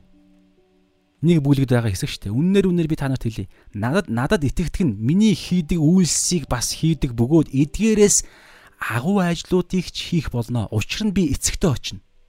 Адилхан байгааз. Есүс эцэгтэй очино. Одоо энэ дэр ч гэсэн та нар намайг хайрладаг бол намайг эцэг рүүгээ явахад баярлах байсан гэж хэлсэн. Яагаад вэ гэхээр яагаад вэ гэнгүүтлээ эцэг надаас илүү агуу гэж байгааз. Энэ юу ярьж байгаа? Тэ? Есүс дээшээ явснароо нэгдүгээрт бид бид нар бид илүү баярлах хэрэгтэй гэдэг байгаа зү. Хоёрдугаарт аа энэ дэр тэгснээрээ бид нар илүү агуу ажлуудыг хийн гэж байгаа. За цаашлаад аа юун дээр за эргэж харуулъя. Яг 16-гийн 16-гийн 12 13 дээр та нарт хэлэх зүйл надад олон бийч та нар одоо дааж ис чадна. Харин үнний сүнс эрэхтэй та нарыг бүхий л үнэн өөд үдэрдэнэ. Тэр өөрөө биш харин аливаа сонсох юмаа эрх зүйлийг та нарт ярина. Есүс явсны дараа л ариун сүнс ирэх боломжтой болж байгаа. Туслагч. Тэр туслагч ирээд Есүсийн ариун сүнсгүйгээр ойлгох боломжгүй зүйлсүүдийг ойлгох чадварыг биднэрт өгсөн. Хүлээн авах, хүлээн авахч, радиогийн хүлээн авахч гэдэг шиг бид хүлээн авахч нар байх боломжтой болсон. Тэнгэрлэг үннүүдийг Эфес 1-ийн 4-дээр хэлсэнчлэн тэнгэрт тэнгэрлэг Христ Есүс доторх тэнгэрлэг оршиход аливаа сүнслэг өрөөлүүдээр та нар өрөөгдсөн гэж байгаа. Тэр аливаа тэнгэрлэг орших буюу 3 дахь тэнгэр буюу Бурхны орших оршихугаас Христ Есүс дотор бид аливаа сүнслэг өрөөлүүдээр өрөөгдөх боломж нь бид хүлээн авахч нар байж чадчих буюу ариун сүнстэй байж. Тэгэхээр ариун сүнс Есүсийн явсны дараа л ирж ирэх боломжтой. Яагаад? Өнөөдрийн үдсийн хэсэг 26 дээр ингэсэн шүү дээ. 26 дээр ингэсэн. Ариун сүнс та нарт харин туслагч буюу миний нэрээр эцгийн минь илгээх сүнс. Тэгэхээр та Йохан 14-ийн 26 Йохан 15-ийн 26 ишлэн яг адилхан 14-ийн 26 Йохан 15-ийн 26 яг адилхан нэг санааг хоёр өөр байдлаар хэлж байгаа. Йохан 14-ийн 26 дээр юу гэж байгаа вэ гэхээр эцгийн минь илгээх сүнс, ариун сүнс. Бурхан аав илгээнэ гэсэн. Тэгсэн мөртлөө Йохан 15-ийн 26 дээр эцгээс минь гарах үнний сүнс болох туслагчийг би та нарт эцгээс би та нарт эцгээс илгээхэд Есүс илгээнэ гэсэн. Хоёр өөр юм шиг ярьж байгаа. Гэхдээ энэ энэ хоёр өөр ялгаатай байдлаар хэлж байгаа нь энийг илэрхийлж байгаа байхгүй юу? Би бичсэн. Нэг дээр нэмэх нь нэг нэг дээр нэмэх нь хоёр тэнцүү 3. Хоёр дээр нэмэх нь нэг тэнцүү 3. Ялгаа байхгүй. Нийл юу гэдэг вэ? Нийлбэрийн нийлбэрийн байрыг солиход нэмэх юу гэдэг лээ? Нийл нэмэгдэхүүний биш ээ нэмэгдэхүүний байрыг солиход нийлбэрийн чанар өөрчлөгддөг үлээ. Мартчих. Иймэрхүү санаа байхгүй. Эцэг ариун сүнсийг илгээсэн. Хүү ариун сүнсийг илгээсэн. Яг адилхан. Яагаад? Гурвалч нь өөрөө гурвлын мөн чанар. Нэгдүгээр гурвлын хоорондын төлөвлөгөө яг адилхан бие биенийгээ үлэмжтэй чинь нэг нэг бурхан библиэр нэг гэдэг. Гэхдээ нэг ялгаа байгаа. Би энийг яагаад яриад байгаа гэхээр ингэсэн шүү дээ. Есүс эцэг рүүгээ явхад та нар баярлахсан. Яагаад гэвэл эцэг надаас илүү агуу гэж хэлсэн шүү дээ. Энд Йохан 14-ийн 28 дээр эцэгтэй очиж байгаад минь баярлахсан та нар. Учир нь эцэг надаас илүү агуу. Та хардаа ариун сүнсийг түрүү 26 дээр ариун сүнсийг эцэг илгээнэ. А 20 14 26 дээр харин 15-ийн 26 дээр хүү илгээнэ, Есүс илгээнэ гэсэн мөртлөө харда хинээс илгээнэ гэж байна. Хиний сүнсийг хинээс эцгээс гарах үнний сүнс, ариун сүнсээс бурхан ааваас гарах үнний сүнс. Тэгээд а Йох 15-ын 26 уншиж байгаа шүү. Эцгээс гарах нэгдүгээр бурхан ааваас гарах ариун сүнс болох туслагчийг би та нарт эцгээс илгээхэд тэр сүнс намайг гэрчлэн. Гурвал хоорондоо ийм цогц гихтээ эцэг бурхан бурханы сүнс аахгүй эцэг бурханы сүнс. Тэгээд эцэг бурхны сүнс учраас эцэг бурхны тэрхүү авралын төлөвлөгөө чинь ариун сүнс ирж иж бүрэн ажиллагаандаа орно гэсэн үг. Тэгээд загалмай дээр Есүс үхтээ бүх зүйл гүйцлээ, төгслөө, дууслаа, гүйцлээ гэж хэлдэг. Тэгээд Есүс энэ дэлхий дээр бүх ажлыг хийж дууссан учраас Филиппо 2 дээр бурхан хүүгээ авдаг. Тэгээд үлэмжийн дээд дээр хаанч байхгүй нэрээр алдаршуулдаг. Бас Матай 28-ийн агуу захимч дээр тэнгэр газар дээрх бүх эрх мэдлийг Есүс өгж байгаа. Энэ юунаас боломжтой юм?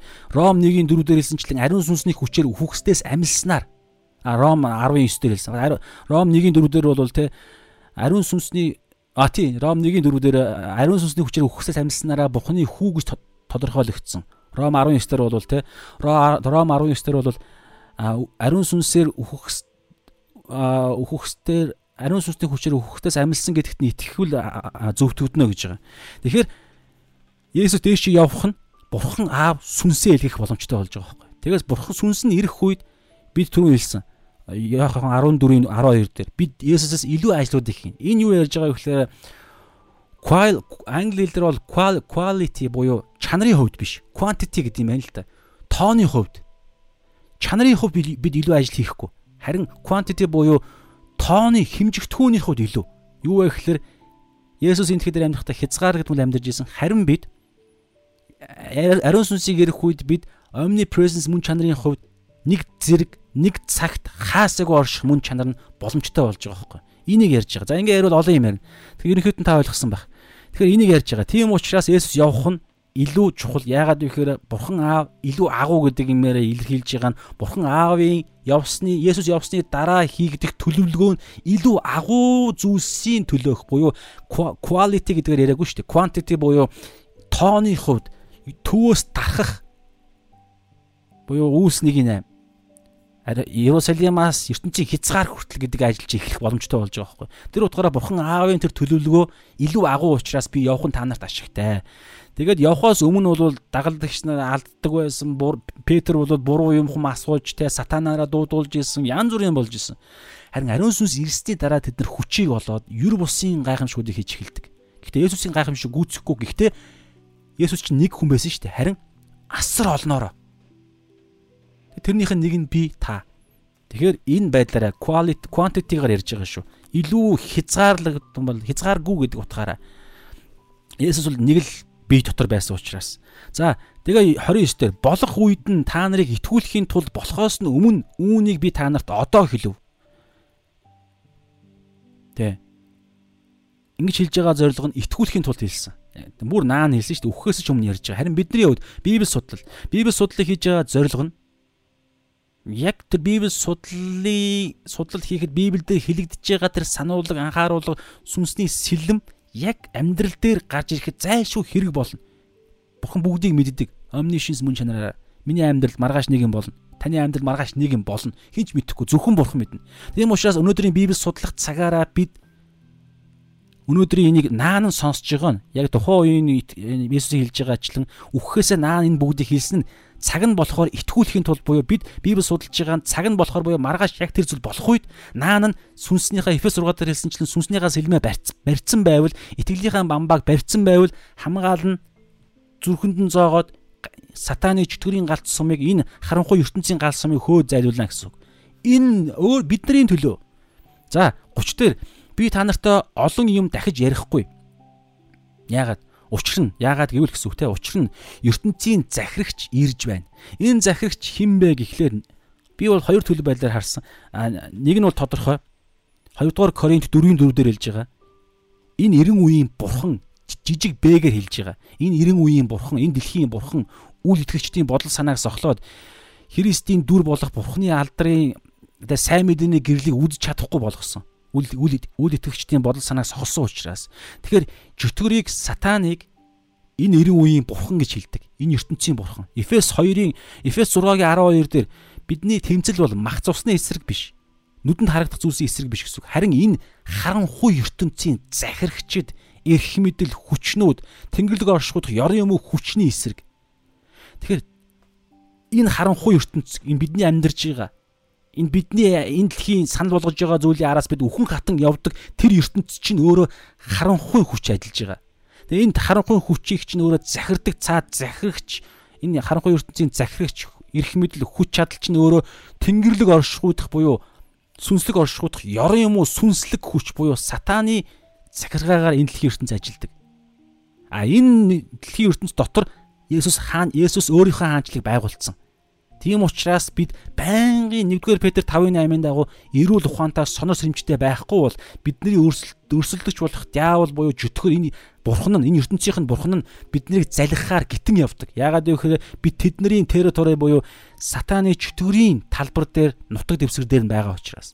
Энийг хин юм болгоцсон юм. Анханасаа юм байгаагүй. Адам Евагаас болж юм болцсон. Гэхдээ Есүс хоёр дахь Адам Ром дээр байгаа хоёр дахь Адам буюу Есүсээр дамжуулан энэ ертөнцийг уг нь авсан.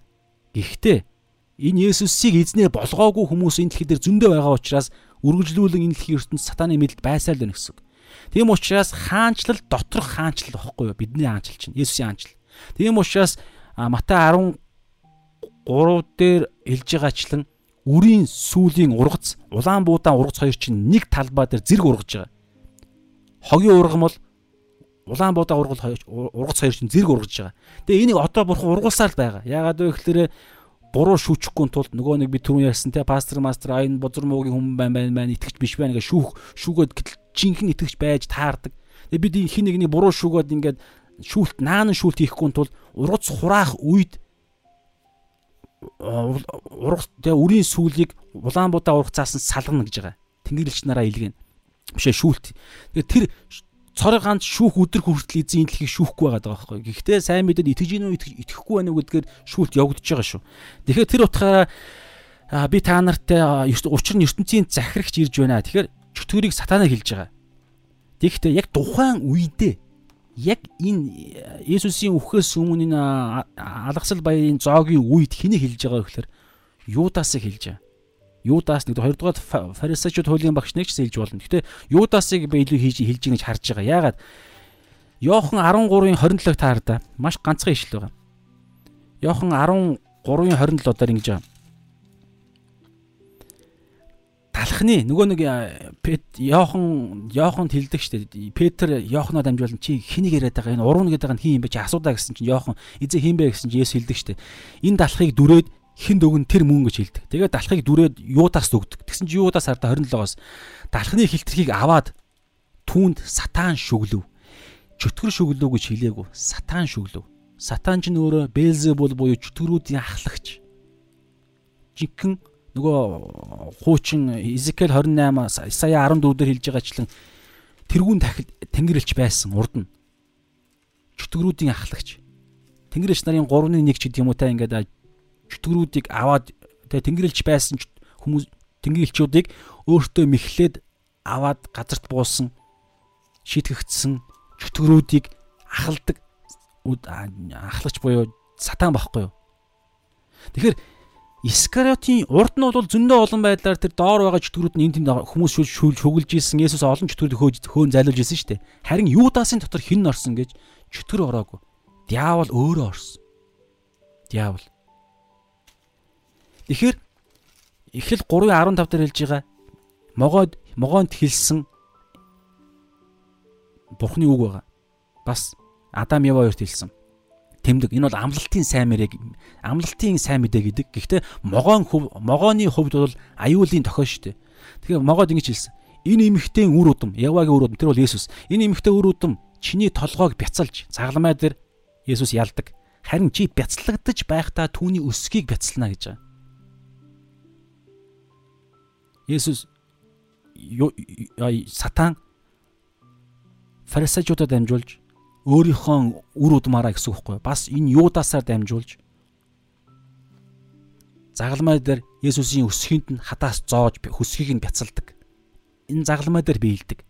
Тэгээд энэ биелэл Тэр Яохан 3 эхлэл 3 15 дээр тэгж байгаа шүү дээ. Энэ имэгтэй өөр удам. Тэгээ чааш нэгж байгаа. Энэ имэгтэй өөр удам чиний толгойг няцлан бяцалж чи бяцлагдаж байхдаа түүний өсгийг няцлана. Тэгээд энэ имэгтэй өөр удам чиний өөр удам хоёр хоорондоо тайсагналцсан гэж байгаа. Тэгээ Явагийн өөр удам бол Есүс. Мата номын эхэн дээр байгаа Лук 3 дээр бас байгаа. Яваар угийн бичиг дээр Есүс чинь Адам Явагийн өөр удам. Тэгвэл сатаны өөр удам хий Юдас. Таарал та. Юдас сая хэлсэн шүү дээ. Яохан 13-ын 27 дээр ийхүү сатан Юдас шүглөв. Юдас Юдасын дотор сатан өөрөө орж байгаа. Тэгээ дээр нэмээд үл итгэгч нар бүгд бузар муугийн боолчлолт байгаа байхгүй. Тэр утгаараа ч гэсэн орно. Тэгэхээр а би 30 та хэлж байгаа би та нартай олон юм дахиж ярихгүй учир нь ертөнцийн захирагч ирж байна гэдэг дээр сатан ирж байна гэсэн үг. Тэгэхээр сатан яаж ирж байгаа гэхээр модтой Есүсийг Есүстэй эцсийн тулаанаа хийхээр ирж байгаа. Энэ гитсмэн дээр ч гэсэн эцсийн тулаан явагддаг. Түүнийг сорих гэж оролддог. А киногаар их гоё илэрхийлдэг. Гэхдээ тухайн үедээ бол яг Библиэлд юу гэж илэрхийлж байгаа гэхээр түүн маш их шаналдаг. Хүн чанар руу сатан аймаар дайрдаг. Тэр утгаараа Есүс бүр ингээд хүн чанараа биднэрт ойлгуулахын тулд еврейдэр хэлсэнчлэн биднийг зовлон даах чадах тэрүүн тахилч гэдгийг ойлгуулахын тулд Есүс хэлдэг штеп залбирлаараа дамжуулна. Тэгээ тэр Библиэр бичсэн учраас биднэрт хандж хэлж байгаа бич илэрхийлсэн байхгүй. Энэ аягыг болдгсон бол надаас зайлуулаач гэж маш. Тэгээд залбирал нь хөлсөн, цусн дусал болж бууж байгаа. Асар их стресс, депресс, асар их шаналлын илрэл байхгүй. Бүр ингээд цус нь хөөрөөд арьсных нь хөлснийх нь нүх сүвээр нь цус нь дусж дусж байгаа. Тэгээд тэрийг илэрхийлэхдээ би энэ зовлон үнэхээр авмааргүй байна гэд бүр хүн чана Есүс ч өөрөө жинхэнэ хүн байсан, жинхэнэ бурхан байсан. Гэхдээ бүр яг хүн болж ирсэн шүү дээ. Тэгэхээр асар их шаналл байсан. Тэр шаналлаж байгаа нь хин сатан.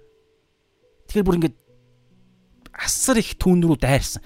Тэгээд хамгийн сүүлдээ тэр зовлон дундаа гэхдээ таны хүсэл биелдэг гэж хилээд зовлон руугаа эзэн минь явсан байхгүй юу? Тэгэхээр ийм тулаан руу одоо явах гэж байна гэж хэлж байгаа. Би та нартай олон юм дахиж ярихгүй. Учир нь ертөнцийн захирагч ирж байна. Тэгээ энэ ирж байгаа хамгийн ихнийх нь Юдаас орж ирдэг. Юдаас Гецмен цэцэрлэгт ирэнгүүтлээ Есүсийг үнсдэг, уруултын үнсэлт. Тэгэхээр энийг ярьж байгаа. Тэгээд 21 дээр харин тэгээ одоо энэ дээр хар та 31 дээр миний аа тэгээ 30 дээр ингэж штэ ертөнцийн захирагч ирж байна. Түүний юунч миний дотор байхгүй. Энэ юу ярьж байгаа? Сатаны ямарч зүйл буюу ямарч мэхлэл занг гим нүгэл гим нүглийн занг сэтэл надад юу ч байхгүй гэж. Ямарч гим нүгэл байхгүй. Ямар ч гимнүгэл байхгүй. Энэ Эфес сарда Эфес дээр би нэг юм шил бас яасан. Гарах мартцсан уу гараагүй нэг гараагүй. Би бичээгүй нь гаргаагүй. За энийг яг өнгөрөөч чи гэж утсан юм байна л да. Аа тий Эфес 4:27 дээр байгаа байхгүй. Диаволд бүү байр тавьж өг гэдэг ишл ганцхан ийм л ишл байгаа. Диаволд бүү байр тавьж өг гэсэн баха. Энэ юу вэ? Есүс диаволд ямар ч байр тавьж өгөөгүй. Ямар ч Есүсийг гим нүгэлч нь өөрөө ингээд нэг гим нүгэл үлдэхэд тэр гим нүглээс чинь дамжуулж гогцооцоор гогцооцоор бүх зүйлийг үйлдвэрлэх боломжтой байхгүй.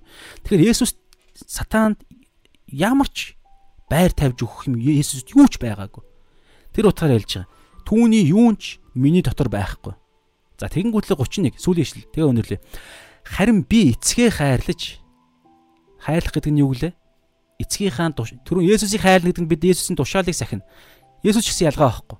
Есүс эцгээ хайрлана гэдэг нь эцгийнхаа тушаалыг сахина. Тэр хийдгээр хаана байгаа юм? Йохан 5:19 дээр байгаа. Хүү өөрөөсөө юу ч хийдэггүй. Эцгийн хий гэж харуулсныг нь Йохан 5:30 дээр хий гэж хэлснийг нь харуулсныг л би хийдэг. Хүү өөрөөсөө юу ч хийдэггүй, хийж чадахгүй гэж хэлсэн. Сүнсэндээ ядуу байсан гэсэн үг байхгүй. Мата 5:3. Яг адилхан байдлаараа шүү. Гэхдээ би өөр байдлаар Есүсийн хувьд өөр. Гэхдээ бид сүнсэндээ ядуу байхыг Есүс харуулсан гэсэн үг. Тийм төлөв байлыг сонгож амьдрсан гэсэн. Хүү өөрөөсөө юу ч хийдэггээгүй гайхамшгууд нь ариун сүнсээр үхсүүд нь эцгийн үхсээр. Тийм учраас Матай 5 3:17 болоо 10 14 болоо 17 дээр байгаа түүнд миний таалал таалал оршдог. Түүнд тэр миний хүслийг биелүүлдэг гэсэн үг байхгүй. Ягаад тэр эцгийн хүслээ үүлдэж амьдрдаг. Энэ энэ л тушаалыг сахижгаар нь хайрлж байна уугүй юу гэдг нь харагддаг. Тийм учраас би эцгээ хайрлаж эцгийн надад тушаасан ёсоор хийдгээ ертөнцид мэдүүлнэ. Яаж? Загалмай дээр. Бүх зүйлээ өгнө гэсэн амиа хайрл. Тийм учраас агуу тушаалч нь дээ. Йохан 13:34 би та нарыг яаж хайрлсны адил би биний хайрл. Есүс намайг яаж хайрлсан? Миний төлөө амиа өгсөн. Миний төлөө ирсэн.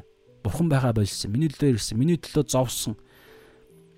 Яг яриулна дээ те бүр аимш. Есүс өдр болгон өөрийгөө өхүүлж амьдарч ирсэн олон илэрхийлэл байгаа. Би ингээд судалж байхад бол ингээд матанам судалж байхад бол олон юм байгаа. Ингээд цаг байгаа учраас Есүс өдөр бүр өөрийнхөө эрх ашгаа хойш нь тавьж ирсэн. Ядарж ирсэн, өөсөж ирсэн, амрах гад нэг газар руу очисон. Гэтэл өөдөөс нь 15-аас 20 мянган үлээж ирсэн.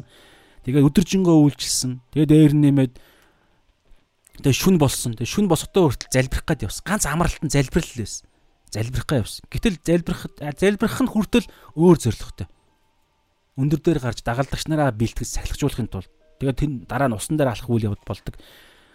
Энэ мэтгчлийн ингээд юусоо баян Есүсийн юусоо ингээд 3 жилийн амьдрал нь бол Есүсийн хувьд юусоо ямар ч амралтгүй. Байнгын сүнслэг тулаан донд. Яагаад? Ингиж бидний хайрлсан. Тэгээд сүултээ өөх нь хүртэл хартаа бүр тухайн үед ромчуудын зохиож болох хамгийн аимшигтай тамлалын үхлэр. Та шалом дээр байх юм бол Жим Кавизлийн Кавизлийн гэрчлэл байгаа. Загалмай шинжлэх ухааны олон нийтэд байгаа. Загалмай цовдлолт бол аимшигтай өхөл шүү. Тэгээ наа тэгээ 40 удаа дашуурцсан. Үх үхэхэд өөхөх боломжгүй биш өөхөхөөс наагуурах тоо ихгүй 40 гэдэг чинь. За 30-оос шиг тийм үү 40 авцаа бүгднгээр нь ашуулсан. Тэгээ загалмай дээр өгсөн. Тэгээ өхөөд 3 хоногийн дотор хаан хайцсан. Үхсдийн орн руу очиод тэнд очиж хүртэл сайн мэдээ тарааж. Сайн мэдээ сайн мэдээж явах үү те. Сайн мэдээлэлдээ хуучин гэрээний ирээдүг харж ирээдүүн Есүсийг харж итгэсэн дахлаар итгэсэн аврагдсан Есүсийн сүүдэргийг сүүдэрт нь итгэж итгэсэн хөстийн орны тэр Деважин гэдэг газарт байгаа тэнд очиж Есүс жинхэнэ сайн мэдээгээ тараас. Тэгээ 3 хоногийн дараа амьлсан. Тэгээ амьлаад 40 хоног үе үе бас дагалдагч нарт байгаа юм. Тэгээ дээшээ очсон. Тэгээ одоо хаана байгаа юм? Дээр ажиллаж байгаа. Яохон 6 дээр байгаа. Эцэг одоо ч гэсэн ажилласаар би ч гэсэн ажилласаар гэж байгаа. Дээр одоо зуушлан залбирж ажиллаж байгаа. Ягаад тэгээ бурханд амрал Есүс бүх гурлаараа оршиж бурханд амралт хэрэггүй байхгүй юу? Тэгэхээр бурхан байнга ажилдаг. Гэхдээ энэ дэлхийд хүн байх хугацаанд бол маш бодиттой зовлон эдэлсэн. Тийм учраас загалмай дээр э, э, эцгээ хайрладаг гэдгээ эцгийн тушаасан болгоныг хийдэг гэдгээ харуулсан. Тэгээ сүүлийн өгүүлбэр босцгоо эндээс явцгаая. Эндээс гэдэг нь хаанаас вэ гэхлээр дээврийн өрөө. Нөгөө алгасал зоог Есүс дагалгч нарынхаа хөлөө угаасан алгасал зоог зоогийн үеэр байсан тэр газараас эндээс явцгаая. Тэгээ хаашаа явах юм? Гитсмэн цэцэрлэг цэцэрлэг рүү явна. За ийм зүйл болж байгаа. За тэгээд ерөнхийдөө бол станараа баларсан баларсан 2 цаг 21 минут болцсон явж байна. За яах вэ? Энэ бол эзний өөрийн цаг, миний цаг биш. Би бол зүгээр л боол эзэн хэлэх ёстой юм а хэлсэн л байх. Тэгээд эзний хүмүүс мэдэх хүмүүс нь тэ хамт байх хүмүүс нь боломжтой ингээд янз бүрийн байдлаар пауз дараад маргааш таслаад пауз тавиад янз бүрийн байдлаар үзэж болно. Энэ цаг бол байнга хадгалагдаж байгаа шүү. За тэгээд ганц өгүүлбэрээр дүгнээд залбираад өнгөрлөө. Ямар юу гэж дүгнэх вэ гэхээр амар тайван гэдэг гарч их штэ. Амар амар амгалангаа амлсан. Энэ амар амгалан гэдэг нь бүрэн бүтэн байдлаа амлсан гэсэн. Энэ амар уг нь би бас хит хит юм юм байна. За яг хуу юун дээр байгаа шүү. Аа за за жаарах. Аа хаана вэ? Дуулал дээр байна уу? За За за. Мартчихжээ. Ирмиа дээр байгаа юм болов? Үгүй. Юу гэж байгаа гэхээр Есүсийг дуулал дээр болов Исая дээр байгаа. Исая дээр байгаа болов? Исая дээр байгаа санагдах юм. А амар амгалангийн юу тэр Есүсийг хэлж байгаа. Исая дээр байгаа юм байна. Исаягийн би юуг нь битсэн байх хэвээр дөө. Исая хэд дээр байгаа бол энэ тэнд яатсан юм болов? Бичээгүй мөртлөө зүгээр энд зооцсон юм болов? Учир нь бидний төлөө. А энэ тийм байна. Исая 9 дээр байна. Исая 9-ийн 6 дээр байна. За би уншия. Учир нь бидний төлөө хүүгүүн төрж бидэнд хүү өгөгдсөн аж засаглал түүний мөрөн дээр байж түүний нэрийг гайхамшигт зөвлөгч хүчит бурхан мөнхийн эцэг инхийн жонон аа инхийн жон энэ инх гэдэг үг ч өөрө шалом гэдэг үг. Еврей хэл дээр яг энэ Исая номын бичигдсэн хэл дээр. Тэгэхээр шаломын амар тайвны ханхуу гэдэг хэллэг шүү дээ монгол хэл дээр тий амар амгалангийн ханхуу тэгэхээр амар амгалан биднэрт өгсөн. Энэ амар амгалангийн бүрэн бүтэн энэ амар амгалан биднэрт өгөгдсөн сүнслэг байдал өгөгдсөн. Гэхдээ энэ амар амгалан ариун сүнс биднэрт зааж, ойлгуулж, мэдрүүлэхээр ирсэн. Гэхдээ энэ амар амгалан гэдэг нь юу вэ? Бүрэн бүтэн байдал нь яаж хэрэгч вэ гэхээр Есүсийн үгийн дагуу, үгэн дотор нь үгийг нь сахиж амьдарж байгаа цагт. Зөвхөн энэ. Библи энийг л ярьж байгаа. Тэгээ сүнслэг түүний үг буюу хүсэл хүслийн дагуу үгийнхэн дагуу байгаа цагт хүн амар тайван байгаагаа сүнсээрээ мэдэрнэ мэдэрдэг. Тэгээ үүнээ бүгдээрээ хүсье. Тэгээ энэ энэ зүйлс маань бүх зүйл рүү талбарлуу талбарууд маань энэ бүх зүйлс маань аа одоо тий тархаж эзэн бид нар ивэл ирүүл гүтдэг Эфес 1-ийн 4 дээр хэлсэнчлээ. Надад залбирая. Эзэн минь энэ цагийн төлөө талархад өнөөдрийн цагаар дамжуулан 2 цаг гарan эзэн энэ цаг дээр та бас бид нартай хамт байлаа. Тэгээд хамт байсан хүн байгаа бол эзэн та үнэхээр өрөөгөөрэй. Энэ зориулалт энэ таныг хайрж байгаа эзэн жинхэнэ үнэн зүйлээ гол зүйлээ эзэн барьж барихын төлөө явж байгаа хүмүүсүүдийг минь та өрөөгөөч эзэн ахын дүүс нарыг минь өрөөгөөч эзэн тэгээд бид бол таны боолууд та бол бидний эзэн Есүс Тийм учраас эзнийхээ тушаал, эзнийхээ үгийг буюу бурхны хүслийг л үйлдэхин төлөө бид амьдэрдэг. Энэ л хүслийг үйлдэгч нар Тэнгэрийн аанчл орно гэж Матай 7-гийн 21 дээр хэлсэн. 21 22 дээр. 21 дээр. Тиймээс эзэн би таны хүслийг үйлдэхийг хүсэж байна. Энэ бол би, миний хүсэл гэсэн үг. Миний хүсэл бурхан аавын хүсэл болсон. Яагаад тэгэхээр Эфес 4 дээр оюун сан оюун санааныхаа сүнж дотор шинжлэхдэгтэн бурханы дагуу бүтээгдсэн зүвт байдал, ариун байдал дотор явах тэр шинэ хүн бол эзэн таны хүслийг өөрийнхөө хүслээ болгосон хүмүүс. Тэгээ эдгээр залбирлыг танд өргөж байна. Тэгээ та биднийг сайхан амруулаарай. Маргааш болох зүйлийн төлөө та биднийг бэлдээч. Есүсийн нэрээр амин. За хамт хүмүүстээ баярлалаа. Удаа явсан төршөөгөөрэй. Гэхдээ та үнэхээр а зүв зүйлээ гол зүйлийг харсан бол энэ цаг бол нэг чухал биш байхаа гэж бодож байна. Гэхдээ унтах цаг угаасаа өнгөрцөн байна. За хамт хүмүүс хүмүүстээ баярлалаа. Дараагийн цагаар дахин уулзлаа. Баяртай. Шалом сайхан амраарай.